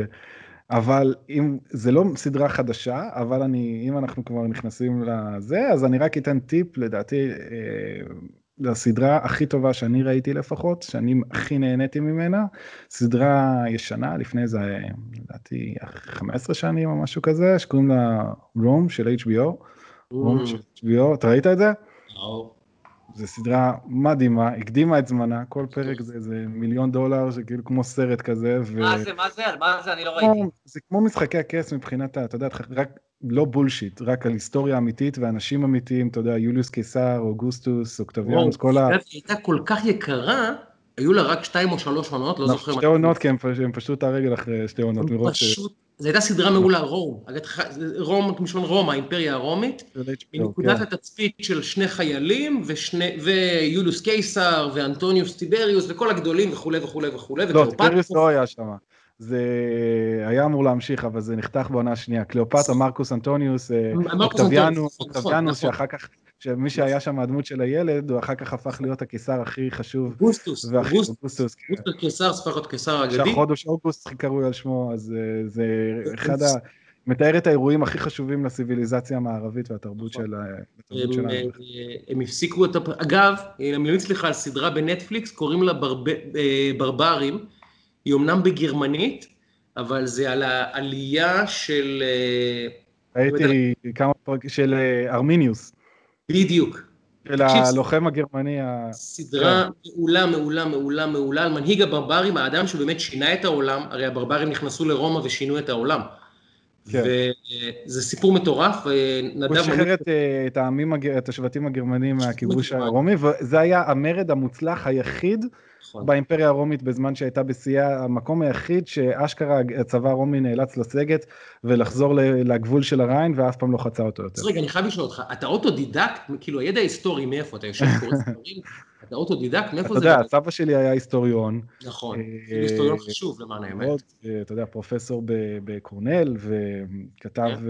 אה, ספרים, המון המון ספרים, בעיקר על הנושא היהודי, אבל לא רק. וסבא אחר שלי היה מורה לתנ"ך, אבא של אימא שלי, אה, תמיד אה, לימד אותנו סיפורים מהתנ"ך, כשהייתי ילד הייתי יושב איתו, ולא יודע, זה משהו שמעניין אותי, בגלל שהיסטוריה זה משהו שמעניין אותי, אז זה דברים שאני זוכר, דברים אחרים שלא מעניינים אותי, אז אני לא זוכר, כמו כדורגל. אז אני שומע דברים וזה עובר לי מאוזן לאוזן. יפה, יפה, יפה. מה שיפה בסדרה ברברים, שזה הפקה גרמנית, חצי גרמנית, חצי איטלקית, והיא מסופרת מהצד הגרמני. כי את ההיסטוריה כותבים בדרך כלל המנצחים. אנחנו רגילים לראות את הסיפור הרומי מהעיניים הרומיות, ופתאום אתה רואה את הסיפור הברברי מהעיניים הברבריות. למרות שהמיניוס תמיד היה דמות, אה, בכל ההיסטוריה הגרמנית, אה, מין איזה דמות מיתית אה, ומושא להערצה, ויש פסלים שלו בכל נכון. גרמניה. סדרה מרתקת. כן. יפה, יפה, יפה. טוב, אנחנו, אה, יש לי פה צמחוני שזורק פה אה, רימוני הלם פה מהצד השני. אה, קוראים לו רני אשל. תפסיקו, תפסיקו, נגמר הזמן. יפה. נשחרר את יאיר. כן, וקבענו עוד פעם. כן, כן, כן. הוא יזמין אותנו אליו, נעשה את זה כאילו הפוך, הוא יזמין אותנו אליו. אשמח. יפה, יפה, יפה. אז, אז יאיר, קודם כל, תודה רבה. זה היה כיף גדול אה, להתארח אצלך, ושאתה מתארח אצלנו, פודקאסט משולב כזה, זה... ועוד בעברית בפעם הראשונה, אז uh, תענוג צרוף בכלל. אתה, אתה נהנית? אנחנו כאילו, הרץ לנו הזמן. לגמרי. אני כאילו, הרגשתי כאילו זה חמש דקות. עבר מהר. יפה, תענוג גדול. אז uh, אנחנו נשחרר אותך לענייניך ועיסוקיך, ותודה רבה. תודה רבה, שי, תודה נדב, מאוד נהניתי. תודה רבה, יאיר. תודה. יפה, יפה. שייקה, אני חושב שהיה שיח מאוד מסקרן. אני למדתי דברים חדשים על uh, יאיר נתניהו. אני חושב שגם הוא נהנה, גם אנחנו, היה, היה שיח מעניין, אתה יודע, כאילו ישר, בדרך כלל רגילים לרעיונות, דקירות, זה... אנחנו, היה לנו שיח מאוד כיפי וענייני, גם עם אלדד יניב, גם עם אורי זקי, גם עם כנרת בראשי, גם עם יאיר נתניהו, אנחנו עושים שיח בכיף. נכון. אני נהניתי. אצלנו נותנים לאנשים לדבר ומקשיבים, מקשיבים. ואנחנו לא שופטים, אנחנו מקשיבים, יש לנו את הדעות שלנו, ויאיר נתניהו הוא אורח, אורח אה, אה, רצוי אצלנו בכל פעם שהוא אה, רוצה. אה, המיקרופון פתוח, אם למישהו יש ספק בנושא הזה, אנחנו נשמח לארח אותו, ונשמח לארח כל אדם מעניין שרוצה לדבר ויקבל את הבמה לזה. אנחנו אה, באמת, גם השבוע הבא יש לנו אורח מפתיע, שהוא נקרא לזה בצד השני לחלוטין של הסקאלה, ואנחנו נשאר בחיים, והוא יישאר בחיים, וגם המאזינים והמאזינות שלנו יישארו בחיים, הכל בסדר. זה מה שאנחנו מנסים לעשות פה, לייצר פה שיח שבו מותר לדבר ולהשמיע קולות, ולא ישר מתנפלים עם סכינים ועולרים וקופצים האנשים, למה אתה הוא מדבר, למה הוא מדבר? רוצים דמוקרטיה, רוצים שיח, רוצים לשמוע באמת אה, אה, אה, סופרסל של דעות, ככה זה נשמע. זהו. והשאלה היא, האם אתה, שי גולדן, האם כן. אתה מאלה שבאמת, אבל באמת בנו את הארץ הזאת? אני לא בניתי שום דבר. למעשה, אה, גדלתי בבית יתומים בלי שאני יודע מי אימא ואבא שלי עד גיל שש. לא היה לי שום אה, רכוש משלי, אפילו ש... את שמי לא הייתי סגור עליו. ואז באתי לבית של הורים שלי שיהיו בריאים כפר עליהם, יותר נכון, אמא שלי כבר לא איתנו, אבא שלי שייבדל לחיים ארוכים. שני עולים חדשים מרומניה, ניצולי שואה, שחיכו עשרים שנה לאשרת עלייה לארץ ישראל, מסיבה ציונית. באו לפה, בעשר אצבעות בנו את החיים שלהם, והם לא בנו את הארץ. הם לא בנו את הארץ. אבא שלי קיבל צל"ש במלחמת יום כיפור, היה מעורב בפרויקט תל אביב, בעוד פרויקטים אה, ביטחוניים של התעשייה האווירית, אבל הוא לא בנה את הארץ. אימא שלי עבדה כאחות בקופת חולים וטיפלה במאות ובאלפי אנשים ונתנה את הלב שלה ביום ובלילה לכל אדם חולה, אבל היא לא בנתה את הארץ. אז אני לא יודע מה להגיד לך. ישראלית, כמו יאיר גולן, פחות מיאיר גולן, לא יודע, אחי, אתה צריך להסביר. אין, יש, בוא תקשיב, יש יאיר גולן, שהוא באמת באמת בנה את הארץ הזאתי, אבל אני אגיד לך מה, ברסמי, אני גם אה, יאיר גולן, צריך להגיד, היה אלוף פיקוד העורף, אני במילואים, בחירום אני דובר הפיקוד, יצא לי, היה לי גם כמה שעות יאיר גולן, אני לא מחלק לו ציונים, אבל כבודו, בפן הביטחוני, מבצעי, צבאי, כבודו במקומו מונח, כמו שכבודם של הרבה גנרלים אחרים, כבודם במקומם מונח. אני, לא, אין לי, אתה יודע, עשה את מה שעשה לטובת אה, אה, ביטחון ישראל, ואני מכבד ומעריך אותו על כך.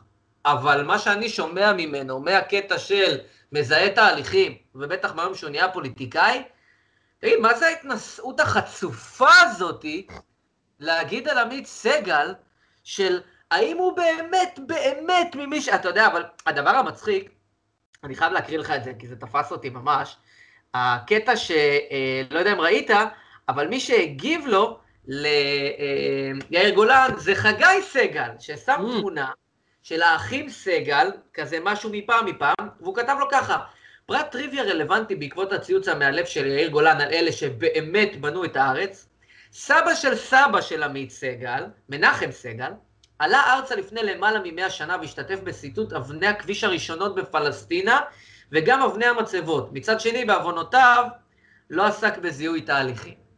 אז אתה יודע, עקץ אותו יפה. אבל זה ההתנשאות הזאת, האדנות הזאת, בעיניי זה מכוער, לא מוסיף כבוד לעיר גולן, והדרך שהוא הולך בה, אם אני מזהה תהליכים, זה דרך שלא לעבור את אחוז החסימה. אבל אני לא מזהה תהליכים. תראה, יאיר גולן מצד אחד אפשר להבין, הוא משחק משחק פוליטי, הוא אשכרה נכנס למחנה מסוים, שזה הבונטון של השיח שלו, והוא רוצה פשוט להשתלב. כל מובן, כפוליטיקאי אני מבין, באותה מידה יש מיקי זוהר שרוצה להשתלב בצד שלו, והוא מהצד שלו, הכל בסדר, כולם בסדר, כל, אה, כל אה, מחנה וה, והבובת נחום תקום שלו, הכל בסדר. אבל יאיר גולן, צריך להסביר לך משהו. יש סיבה שהשמאל לא מצליח לנצח בחירות כבר לא יודע כמה שנים. באמת, לא יודע, הפסקתי לספור באיזשהו שלב, איבדתי, איבדתי עניין בספירה. משום שיש איזו לקונה בסיסית בתפיסה של השמאל הישראלי, וזו הסיבה שאני לא מוצא את מקומי בו. השמאל הישראלי, לצערי, וביתר שאת עכשיו בשנה האחרונה, הוא פשוט מרגיש קצת יותר טוב מכולנו. מכל האחרים אני מתכוון. הוא מרגיש שהוא שווה יותר. הוא מרגיש שיש לו יותר זכויות. הוא מרגיש שיש לו יותר אה, זכויות היסטוריות, הוא מרגיש שחלקו במה שקרה פה יותר גדול מהחלק של אחרים. ולכן הוא חושב שיש לו זכות על הארץ הזאת, על השלטון הזה, על מה יקרה פה במדינה, על מי יישב בבלפור, על מה ישדרו בטלוויזיה, על מה אנשים יחשבו ומה אנשים... הם, הם חושבים שהם באמת זה שלהם. אממה, אממה. אתה יודע מה? לא רוצה להתווכח איתם היסטורית, נגיד שהם בנו את הארץ. זה לא נכון, אבל לא רוצה מקבל את הטיעון שלו. אבל עכשיו, אחי, עכשיו, מר גולן, אני פונה אליך, לא לנדב. עכשיו, אדוני, אני רוצה להסביר לך. כל הארץ הזאת היא ערב רב, ערב רב מאוד של אנשים, עולים חדשים, קיבוץ גלויות, אנשים שבנו את עצמם בעשר אצבעות, אנשים שעברו מעברות, אנשים שגרו בהתנחלויות, אנשים שפונו מגוש קטיף, אנשים שבאו מאתיופיה, אנשים ש, ש, שקופחו על רקע אה, מזרחיותם, חרדים, מה לא, ערבים כמובן. יש פה המון קבוצות מיעוטים בישראל, המון, המון, המון, המון, המון, המון, המון, המון, המון, והם הרוב. עכשיו, מה, מש, מה משותף לכולנו? לכל קבוצות המיעוטים, לאתיופים ולערבים ולחרדים ולמתנחלים, מה משותף לכולנו? שאנחנו לא מרגישים אדוני הארץ. שאנחנו מרגישים אורחים פה, כי נתתם לנו להרגיש פה אורחים, ונאבקנו על מקומנו פה. אבא שלי נאבק על מקומו, והמתנחל אה, מגוש קטיף נאבק על מקומו, וההורים של אבירה מנגיסטו נאבקים על מקומם יום-יום, והחרדים בבני ברק ובמאה שערים ובמודיעין ואיפה שזה לא יהיה, נאבקים על מקומם ועל זה שכל הזמן, כל הזמן הם צריכים להצטדק ולהוכיח. אני נאמן למדינה, אני באמת חשובה לי המדינה, אני לגיטימי פה, מקומי פה הוא לא נופל משלכם, והוא צריך להסביר למישהו. באיזשהו שלב, הבנו כולנו, זה מה שקורה, זה התהליכים שמר גולן לא מזהה. הוא מזהה תהליכים מאוד חשובים, ואת התהליך הזה הוא לא זיהה. שפתאום, מה שנקרא, הדפוקים, המקופחים, המושתקים, המוכחשים, הנדחקים לשוליים, הבינו שהם הרוב. והם אמרו, אם אני הרוב, למה שהם ישלטו בי? אז זה מרד העבדים, מר גולן. מה שאתה רואה עכשיו זה מרד העבדים מול העיניים שלך. העבדים עלו ולקחו את השלטון. ואתה יודע מה הקטע? שיש פה הרבה יותר עבדים מאדונים, מר גולן, הרבה הרבה יותר. אנחנו הרוב. האם אתה יודע מי אמר את המשפט הבא ועל מי, אפרופו העניין? אני מעדיף שעם כל הכבוד לא יעלה לארץ, אנחנו לא חייבים לו כלום. מי, מי, מי יכול לומר משפט כזה? אתה יודע על מי זה נאמר? זה על נאמר... פולארד? נאמר על פולארד, מי יגיד על פולארד? אני מעדיף שעם כל הכבוד הוא לא יעלה לארץ, אנחנו לא חייבים לו כלום. אדם שישב כמה? 30 שנה בכלא האמריקאי? כמה, כמה זה היה? כן, 30 כן, 30 שנה בכלא האמריקאי. סוכן שלנו, שלנו, לא מוכחש, פעם היה מוכחש, היום כבר לא מכחישים, סוכן שלנו, שסיכן את חייו ואת אזרחותו האמריקאית ואת החופש שלו, ומשפחתו כמובן נהרסה, וחייו נהרסו, הכל בשביל מדינת ישראל, שהחליטה לבקש ממנו עזרה בהשגת מידע מודיעיני, אז האיש הזה אנחנו לא חייבים לו כלום. אוקיי, לא. טוב לדעת. מי אמר את הדבר הזה? אותו בן אדם שאמר שאין מצב, רק בינואר אגב האחרון, השנה עוד אמר את זה, שאין סיכוי בעולם שאנחנו תהיה לנו נורמליזציה עם המדינות הערביות. אתה יודע איך קוראים לו? אהוד אולמרט! אהוד אולמרט! אמר, אמר, הוא מרגל ואנחנו לא חייבים לו כלום, ואני מעדיף שהוא לא יעלה לארץ ושיישאר שם ולא רוצים אותו כאן. אז כשאתה מגייס סוכן עכשיו למוסד או משתף פעולה, חשוב מאוד להשמיע לו את הציטוט הזה של אולמרט, שידע שאם חס ושלום השיט יגיע, מה חושבת מדינת ישראל על התרומה שלו למדינה ועל ה... ועל הסיכון שהוא לוקח על עצמו ועל החיים שלו ועל המשפחה שלו. טוב מאוד, טוב לדעת, זה חשוב לדעת. כן, חשוב אני- להגיד את זה לכל משתף פעולה וסוכן, וכל אדם שאנחנו מגייסים שמסכן את חייו כדי שיהיה לנו פה קצת יותר בטוח, חשוב שהוא ידע שישראל תזרוק אותו לכלבים, גם אם הוא יושב 30 שנה בכלא. טוב לדעת, מצוין. כן, כן, עכשיו אני מזהה את התהליכים אגב, בין אה, אולמרט, שאני, אני אומר לך בכנות, ואני אומר את זה באמת, אני פשוט מרחם על האיש הזה, פשוט מרחם עליו, זה כבר עבר את הקטע שאני כועס על הדעות שלו וזה, פשוט מרחם על האיש, לבין אה, יאיר גולן, שאתה יודע, האמירות האלה, שכאילו, זה אנחנו, ואתה, פולארד, או כל האנשים שאתה ציינת וכולי, אתם סוג ב', לא משנה מה עשיתם, מה עברתם וכולי, מטריף את הדעת בעיניי. עוד דבר ש, שגם אה, ככה מטריף לי את הדעת, אבל אני, אני רוצה לקחת את זה לפוזיטיבי, כי דיברנו פה לא אחת על הנושא הזה של אלימות נגד נשים, ואני עכשיו רוצה לתת ציון לשבח, אתה יודע למי? אנחנו בשיחת רקע, לתקשורת הישראלית. לתקשורת הישראלית, מילה טובה, קדימה, מילה טובה. ידיעות אחרונות, ידיעות אחרונות, ישראל היום, השבוע, שמע, אה, כשהם רוצים, מה שנקרא, הם יכולים. והכותרת אה, ב, באותו יום של באמת, אה, של אה, ידיעות אחרונות, אותו יום של, אה, שפולארד בעצם אה, נהיה בן חורין, אז הכותרת הראשית הייתה יונתן סע הביתה, זה היה על אה, רבע עמוד, או נגיד אה, משהו כזה, שתי חמישיות, ו- ורוב העמוד היה כותרת פרויקט מיוחד, השופטים שמרחמים על גברים אלימים. יפה. וכל העמודים מ-2 עד 7 פחות או יותר, יפה. עסקו בשופטים שמרחמים על כן. גברים אלימים, יפה. וביש- ובישראל היום כנ"ל דאבל ספרד ענק, יומיים ברציפות לדעתי, שנוגעים בנושא הזה לעומק, ו- ו- ו- ומציינים אותו ומעלים אותו, וזה משמעותי, וככה מייצרים בין היתר שינוי, וזה, וזאת בעיניי אחד מהתפקידים החשובים של התקשורת, לעסוק בדברים האלה, כי זאת מחלה, זאת, זאת מגפה פושעת. אגב, אני מאוד מאוד מרוצה מהאוטינג או השיימינג, איך אפשר לקרוא לזה, של השופטים שמקלים ראש, כי הגיע הזמן ששופטים ידעו שהם לא מעל לביקורת. והגיע הזמן שהציבור יאמר לשופטים, בעזרת התקשורת, והתקשורת והציבור שתפו פעולה, אמרו, חברים, אנחנו למכת המדינה הזאת של אלימות נגד נשים שמים סוף. אם אתם לא מצטרפים אלינו, אל הציבור ואל התקשורת, אנחנו נרדוף אתכם. בכלים שלנו, חס ושלום לא נעשה שום דבר לא חוקי, אבל בכלים שלנו, אנחנו לא...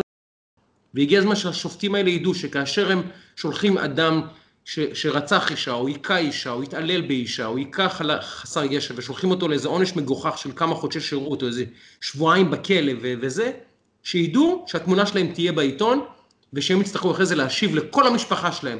למה נתת לאיש הזה שהיכה את אשתו מכות רצח רק חודש עבודות שירות? למה?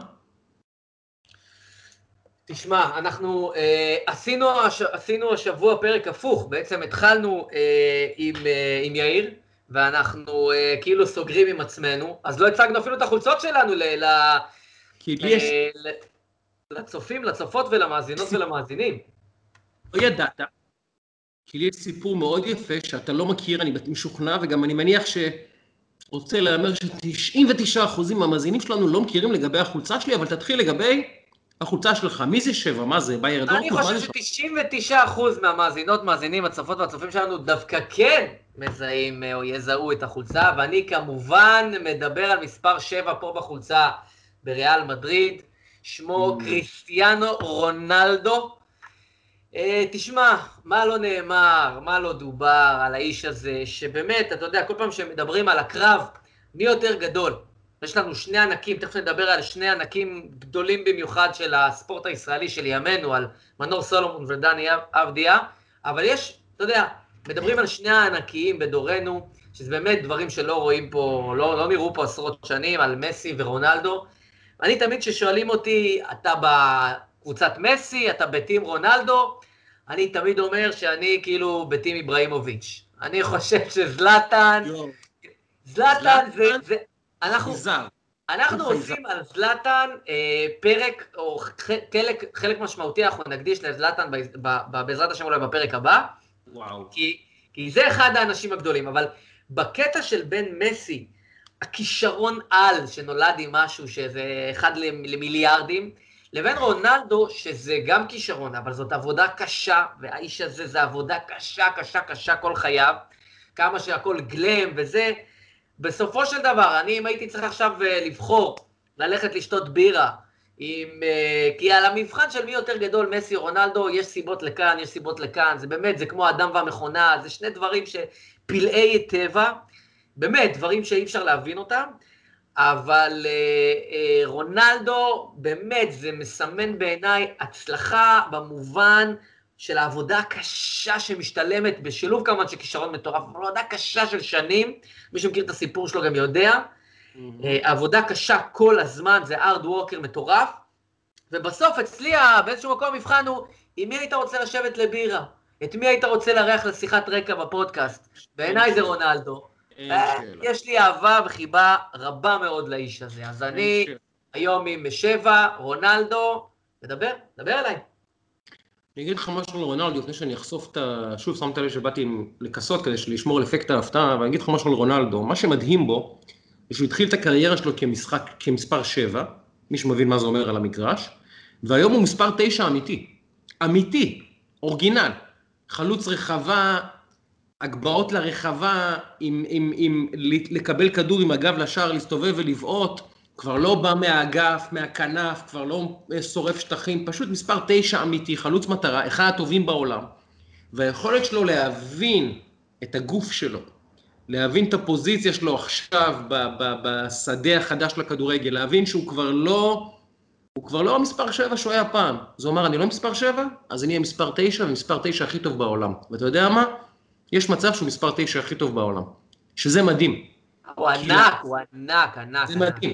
הוא באמת כישרון, אנשים לא מבינים מה המשמעות של להחליף פוזיציה למגרש, שאתה כל החיים רגיל לשחק עם הפנים לשער, שטחים פתוחים, אתה די חופשי, אתה די עושה מה שאתה רוצה, פתאום אתה הולך לרחבה.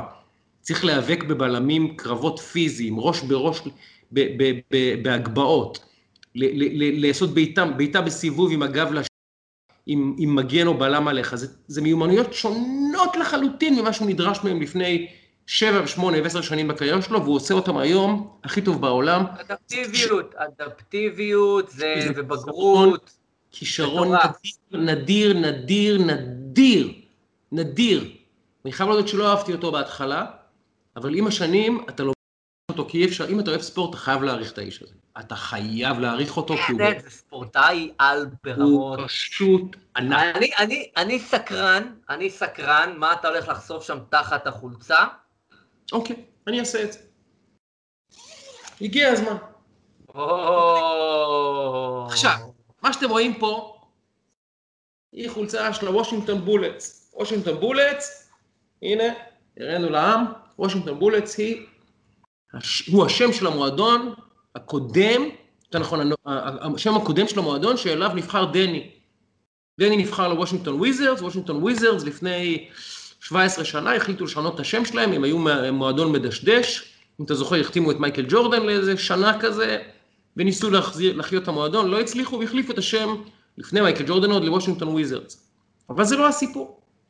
ודני נופל למקום התשיעי, במושגים של הציפיות שלנו זה נופל, ונופל לוושינגטון וויזרדס, ומבחינת NBA זה אגב סיטואציה פנטסטית עבורו, פנטסטית. קבוצה בבנייה, מאמן, יותר נכון, general manager שבחר בו כדי להוביל את המועדון לעשר שנים הקרובות, ממש רואה אותו כ franchise player, וקבוצה שאין עליה הרבה, אין ממנה הרבה ציפיות, לא בלחץ, לא בעיר ולא בעיתונות הספורט, הוא יוכל לגדול שם בשקט ולשחק הרבה הרבה כדורסל וגם לעשות טעויות כמו שצריך. הוא היה מגיע למועדון כמו גולדן סטייט או בוסטון, ששם אתה רץ לפלייאוף ואתה עושה טעויות, אתה טס לספסל. פה הוא יוכל לשחק, לטעות, להתפתח, אז אני מאוד מבסוט בשבילו. ואני אספר לך סיפור ויתחיל בשאלת טריוויה. מי הקבוצה הראשונה בהיסטוריה של קבוצות ה-NBA שהפסידה לקבוצה שהיא לא קבוצת NBA? אני אחסוך לך את המתח. הוושינגטון בולטס. באיזה שנה זה היה? אני אחסוך לך שוב את המתח. 1978. לאיזה קבוצה זה היה? אני אחזור לך את המתח. מכבי תל אביב, פה ביד אליהו, הפעם הראשונה בהיסטוריה שקבוצת NBA, קבוצה מקצוענית, הפסידה לקבוצה מחוץ ל-NBA, בהיסטוריה, מאז זה כבר קרה כמה, כמה וכמה פעמים, אבל אז, כדורסל המקצוענים מאז, עד אז לא היה, היה untouchable, הם היו, הם נראו בני אלים, כדורסל מעולם אחר קראנו להם. והוא בא למכבי של טל אה, ברודי ומיקי ומוטי וג'ימבו ואולסי פרי וכל החבורה הזאת, ומפסידים פה, בשתי נקודות הפרש לדעתי. לימים, הבעלים של המועדון, שהוא יהודי, מבקש מהמאמן להביא את מיקי ברקוביץ'. אומר, מספר תשע הוא מדהים. כמה ימים אחרי המשחק, מצטעים לשמעון מזרחי, אומרים לו, מיסטר מזרחי, we want number nine to play for the Washington Bullets, the fucking world champions, בחוזה מובטח, בלי דראפט, בלי כלום. הוא היה יכול להיות השחקן האירופאי השני ב-NBA, בהיסטוריה, מיקי ברקוביץ', היה לו חוזה מובטח ביד מוושינגטון בולטס, שזה היה, זה, זה במושג, היום זה כבר סטנדרט, שחקן, תקשיב, אז לעבור מאירופה ל-NBA זה היה כמו ש, שמכבי שעריים תשחק בליגת האלופות, זה לא unheard of, לא נשמע, לא נשמע, לא נשמע. ושמעון מזרחי אומר לו את התשובה הקלאסית, על גופתי המתה מיקי עוזב את מכבי, זה העתיד של המועדון, מה אתה עושה צחוק? עם כל האהבה למיקי וכל הזה, וככה מיקי נשאר במכבי ושלום על ישראל. שים לב לסגירת המעגל המושלמת. מדהים. 78 זה 42 שנה אחרי. 42 שנה אחרי, שחקן ממכבי תל אביב נבחר על ידי הוושינגטון וויזרד סלאש וושינגטון בולטס ומקבל את המספר 9. דני אבדיה משחק בתשע. אז הנה נסגר המעגל, ואם זה לא אחד מסיפורי הספורט הכי יפים ששמעתם בזמן האחרון, אז מה כבר כן? מדהים. דני סוגר את המעגל של מיקי ברקוביץ', מספר תשע ישראלי, משחק בוושינגטון וויזרד סלאש בולטס, הקבוצה הראשונה שהפסידה אי פעם לקבוצה מחו"ל, שהיא במקרה מכבי תל אביב. אז הנה נסגר מעגל גם ברמה פוליטית, נכון? ענק, ענק, דני ענק, ענק. דני, דני יהיה שחקן NBA ויעשה הרבה כסף, ואני מקווה שיהיה בריא בעזרת השם ולא ייפצע לנו חס וחלילה, רק בריאות, רק בריאות. אני, ככל שאני קורא עליו יותר ושומע ושומע רעיונות איתו, הראש שלו במקום הנכון, והילד הזה יהיה שחקן כדורסל. סבלנות, רק סבלנות. סבלנות. אבל אתה יש לך קראש על מנור סלומון, שאני חייב להגיד שאני מתרשם ממנו, אבל אתה ממש בונה עליו כ... כ... זה, בוא, זה משהו בוא, אחר, בוא, תקשיב. בוא, בוא זה, נפתח. זה משהו בוא אחר. בוא נפתח. זה משהו אחר כי, כי, כי בהתחלה כשדיברו על מסי, אז, אז אתה יודע, אמרו, אבל הוא קטן. הוא, הוא קטן, הוא לא יצליח, הוא, הוא קטן מדי וכאלה. ו, והרבה דברים, גם ב, לאורך השנים אמרו את זה על מנור סלומון, אבל הוא קטן. עכשיו, אני חייב להגיד לך, ומי שמכיר אותי אה, יודע, אני בזה, אה, כתבתי על זה בעבר, דיברתי על זה וכולי, על הקטע של מנור, מאז שאני ראיתי אותו משחק פעם ראשונה. זה משהו אחר. וכשאתה מבין את הסיפור שלו, איפה הוא גדל, ואת אינטליגנציית המשחק, ובבית של מאמן כושר, הוא קטן על המגרש, אבל הוא ענק. גם, ב, גם בממדים שלו הוא חזק פיזית, והוא עוד יתחזק ויתחסן ויגדל, אבל אתה רואה את הגישה שלו למשחק, את הגישה המאוד בריאה שלו למשחק, וזה, כשזה יושב בבגרות, בגיל צעיר, והוא, תקשיב, הוא עבר לשכתר דונייצק, זה לא אה, ליגה אנגלית, זה לא ליגה ספרדית, זה לא ליגה איטלקית, זה אוקראינה, חביבי, זה לא בקטנה. שפה קשה, מזג אוויר קשה. שפה, מנטליות, ו- וזה מועדון שגם הציפייה, זה מועדון, רק צריך להבין, זה כמו שבני יהודה היו הרבה שנים, מועדון שמביא אליו כישרונות בכסף לא קטן, כדי למכור בכסף ענק. בעיקר ברזילאים, הרבה ברזילאים שהיום בקבוצות הכי גדולות בעולם עברו דרך שם, זה ידוע כתחנת מעבר לקבוצות הכי גדולות באירופה. זה, זה, זה, זה, כאילו הדומיין של, של שכתר. והוא משחק בליגת האלופות, בבמה הכי מרכזית שיש. עכשיו, עזוב את הגול, עזוב, עזוב, עזוב. כל הקטע הזה של הבגרות והגישה למשחק מתיישב על פצצת כישרון מטורפת. עכשיו, הוא הבקיע שער ראשון השבוע בנבחרת, שבוע שעבר. נכון, זה היה משחק לא חשוב, זה היה גול כביכול שלא שינה, כן שינה, לא, לא שינה באופן הזה, אבל אני לא מדבר על הסטטיסטיקה כרגע, אני מדבר על הבן אדם. וזה בחור, בתחילת דרכו, שבעיניי, כישרון ווייז, הוא יכול לעשות קריירה אירופאית יותר מברקוביץ', יותר מבניון, יותר מרביבו, יותר מכל דבר שראינו. ואתה מדבר על עבדיה, עבדיה, ואני שומע את מנור סולומון. זה סטנדרט אחר, סיטואציה אחרת, שוק אחר וכולי, אבל לי אין ספק שמנור סולומון בעוד פאזה אחת, שתיים, בעזרת השם, שיהיה בריא, ושאתה יודע, כאילו זה, אני רואה איך הוא מתפתח מעונה לעונה, והוא נשאר עם הגישה ועם הראש על הכתפיים והרגליים על הקרקע. אני רק אשאל אותך, אני רק אשאל אותך את השאלה הבאה, תראה. ראינו את ברקוביץ', גאון כדורגל, כששיחק, היה באמת גאון, אחד המוסרים הטובים בעולם בזמנו, אין, אין מחלוקת. ראינו את בניון, כישרון בינלאומי, אבל שניהם היה להם מגרעה אחת, מבנה הגוף.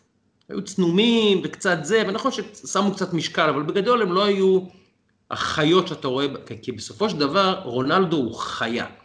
וגם מסי הוא אמנם קטן, אבל אתה רואה אותו, הוא בחור מוצק ושרירי, גם ארדון היה קטן, אבל הוא היה כולו שריר אחד גדול. אני שואל אם אתה חושב שחסן בכדורגל המודרני, עם כל הכישרון שלו, ויש לו כישרון בסדר גודל הזה, אני מסכים איתך. אה, סלומון, סליחה, סולומון. האם אתה חושב שבכדורגל המודרני, הפיזי, שברגע שאתה הופך להיות מספר 10 מוכר, אתה יעד לבלמים ולמגנים הכי קשוחים בעולם שרוצים רק לשבור לך את הצורה. האם יש לו סיכוי באמת לעשות את הקפיצה ולהיות יותר גדול מבניון, יותר גדול מרביבו, יותר גדול מברקוביץ' וכולי?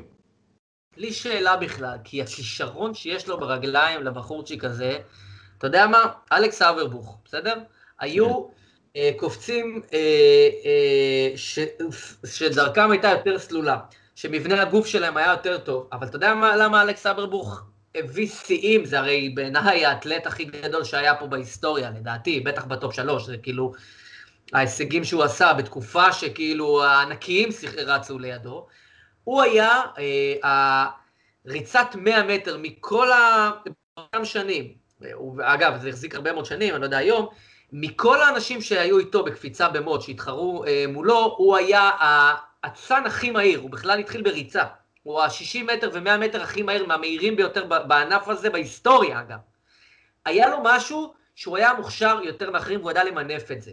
מנור סולומון יש לו כישרון ברגליים ויש לו ראש על הכתפיים ורגליים על הקרקע ברמות שזה זה, זה הכי גבוהות שיש.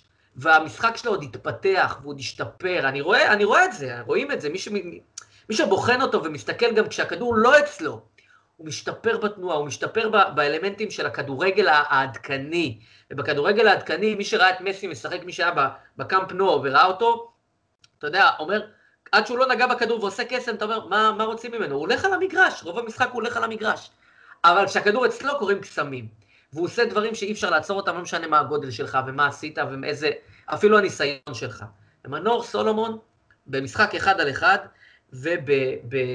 ובמשחק אה, חכם שמשחקים איתו ועליו, הוא unstoppable כמעט. הוא unstoppable כמעט, הוא משחק סביבו הברזילאים הכי כלילים, הכי מהירים, והוא השחקן הכי מיוחד על המגרש מבחינת המשהו הלא צפוי שהוא יעשה. וזה ילד! אתה מבין שזה ילד, אתה מבין לאן הוא יכול להתפתח. אז בעיניי, כן, זה, זה הדבר הגדול הבא. אני חושב שיש לו את האישיות. יש לו את האישיות. האישיות, זה הכל, זה, זה, זה one man, זה one stop shop כזה, יש לך שם את הכל בפנים, וזה מחפה גם על הגודל שלו, ובהפוך על הפוך הגודל שלו, יכול להיות שהוא לא עוד יהיה לו קריירה ארוכה יחסית, שוב, בגלל הזה שלו, כאילו עד גיל 35, אבל בשנים שהוא עדיין בוסר, הוא עדיין כאילו זה, אבל הוא יימכר בהרבה מאוד כסף, שכתר תעשה עליו קופה מטורפת, הלוזונים כבר עשו ויעשו עליו עוד, עוד הרבה כסף, ואני חושב שעוד פאזה אחת, אולי שתיים, אתה תראה אותו ב, ב, בקרם דה לה קרם של הכדורגל העולמי, ולא עוד שחקן, זה חתיכת דבר. מעניין. ותשמע, תשמע, אנחנו אה, הולכים ומתכנסים. אה, אני רק חייב הערה אחת. כי אמרת שאברבוך האתלט הגדול ביותר בכל הזמנים, ואני חייב... בעיניי, מהטופ שלוש הכי... אה, אני חייב לספר את הסיפור של אסתר רוט שחמורוב לצעירים שבינינו, להסביר, להסביר מה זה, למה היא האתלטית הכי גדולה באמת, לדעתי, בכל הזמנים בישראל, למרות שאברבוך קיבל מדליית זהב באולימפיאדה, סליחה, באליפות עולם, והוא... בברלין עוד. אין לי מה לומר, אין, אגדה. אז לאסתר רוט שחמורוב במינכן, יומיים אחרי שנרצח המאמן שלה. יומיים. וכל הנבחרת הישראלית בטראומה מטורפת ובטירוף, אחרי הדבר המטורף, מחזיקים בני ערובה חצי מהנבחרת, משתלטים עליהם במגורים של הספורטאים שם, לוקחים אותם, מוציאים להורג שם, דבר מטורף, סיפור מזעזע. אז הם לא חזרו הביתה, היא נשארת, והיא מתחרה בחצי גמר אולימפי, ואז עולה לגמר אולימפי, יומיים אחרי שהמאמן שלה אה, נרצח. זוכה במקום החמישי, כשאותן מקדימות, רק ארבע ספורטאיות, כולן ממזרח אירופה, בלי לפגוע, כולנו יודעים, הן היו מסוממות כולן. אז המערבית היא ראשונה, היחידה שהייתה בלי סמים, הייתה אסתר רוט שחמור, לפני האמריקאיות, לפני צרפתית אחת הייתה שם. היא הייתה הספורטאית המערבית מספר אחד בעולם, האצנית המערבית מספר אחד בעולם, במינכן 72, יומיים אחרי הרצח של, של המאמן שלה, ושהיא בטח עוברת את הטראומה כנראה הכי גדולה שהיא עברה בחייה. אז זה ספורטאי על. מקבל, מקבל אמירה חשובה. האישה ספורטאית על. אי אפשר להסביר בכלל את הדבר הזה. מטורף. אתה צודק. מקבל לחלוטין, מקבל לחלוטין. לא לוקח כלום מאברבוך שהוא ענק, אבל אסתר רוטשחמורוב היא אגדה אמיתית, וכל פעם שאתם שומעים את השם ואומרים, אה, מה הסיפור איתה? תדעו, היא אגדה אמיתית. ממש כך. תשמע, ובכך אנחנו מסיימים באגדה לאגדה, אנחנו מסיימים את פרק מספר 15 שלנו בשיחת רקע. היה לנו פה אחלה רכבת הרים, כמו שאומרים, אה, עם הרבה מאוד נושאים ועניינים מאוד מעניינים, ואחלה שיחה עם יאיר. בהחלט. ותשמע, סחטיין, אני כאילו שוב, זו תודה אדירה וגדולה, קודם כל לרני שלנו. לגמרי. אה, על הזמן, על ההפקה, על העריכה, על הכל, על הקסמים האלה. למאזינות, למאזינים, לצופות ולצופים, לא מובן מאליו. לא. אה, כיף אדיר. המספרים שלכם מתרבים, וכפי שאתם שמים לב, כשאתם כותבים לנו הודעות, אם זה בעמוד שלנו, אם זה במסנג'ר, אנחנו עונים. אנחנו לא משאירים אה, הערות אה, ללא מענה. אז אם יש לכם הערות, בקשות, שאלות, מה שזה לא יהיה, תכתבו, אנחנו עונים. זה תמיד או נדב או אני או רני עונים. אז אל תתביישו לפנות אלינו ולשאול ולהציע ולתת משוב, אנחנו רוצים לשמוע. ממש כך. על הכיפאק, שייקי, היה לי ממש ממש כיף. ממש היה תענוג אדיר. שבוע הבא, אורח מפתיע, אני חושב שיהיה פודקאסט מעניין לא פחות. לגמרי, לגמרי, ומה שנקרא, stay tuned. על הכיפאק. אז תודה רבה, שיחת רקע, פרק מספר 15, סלמת.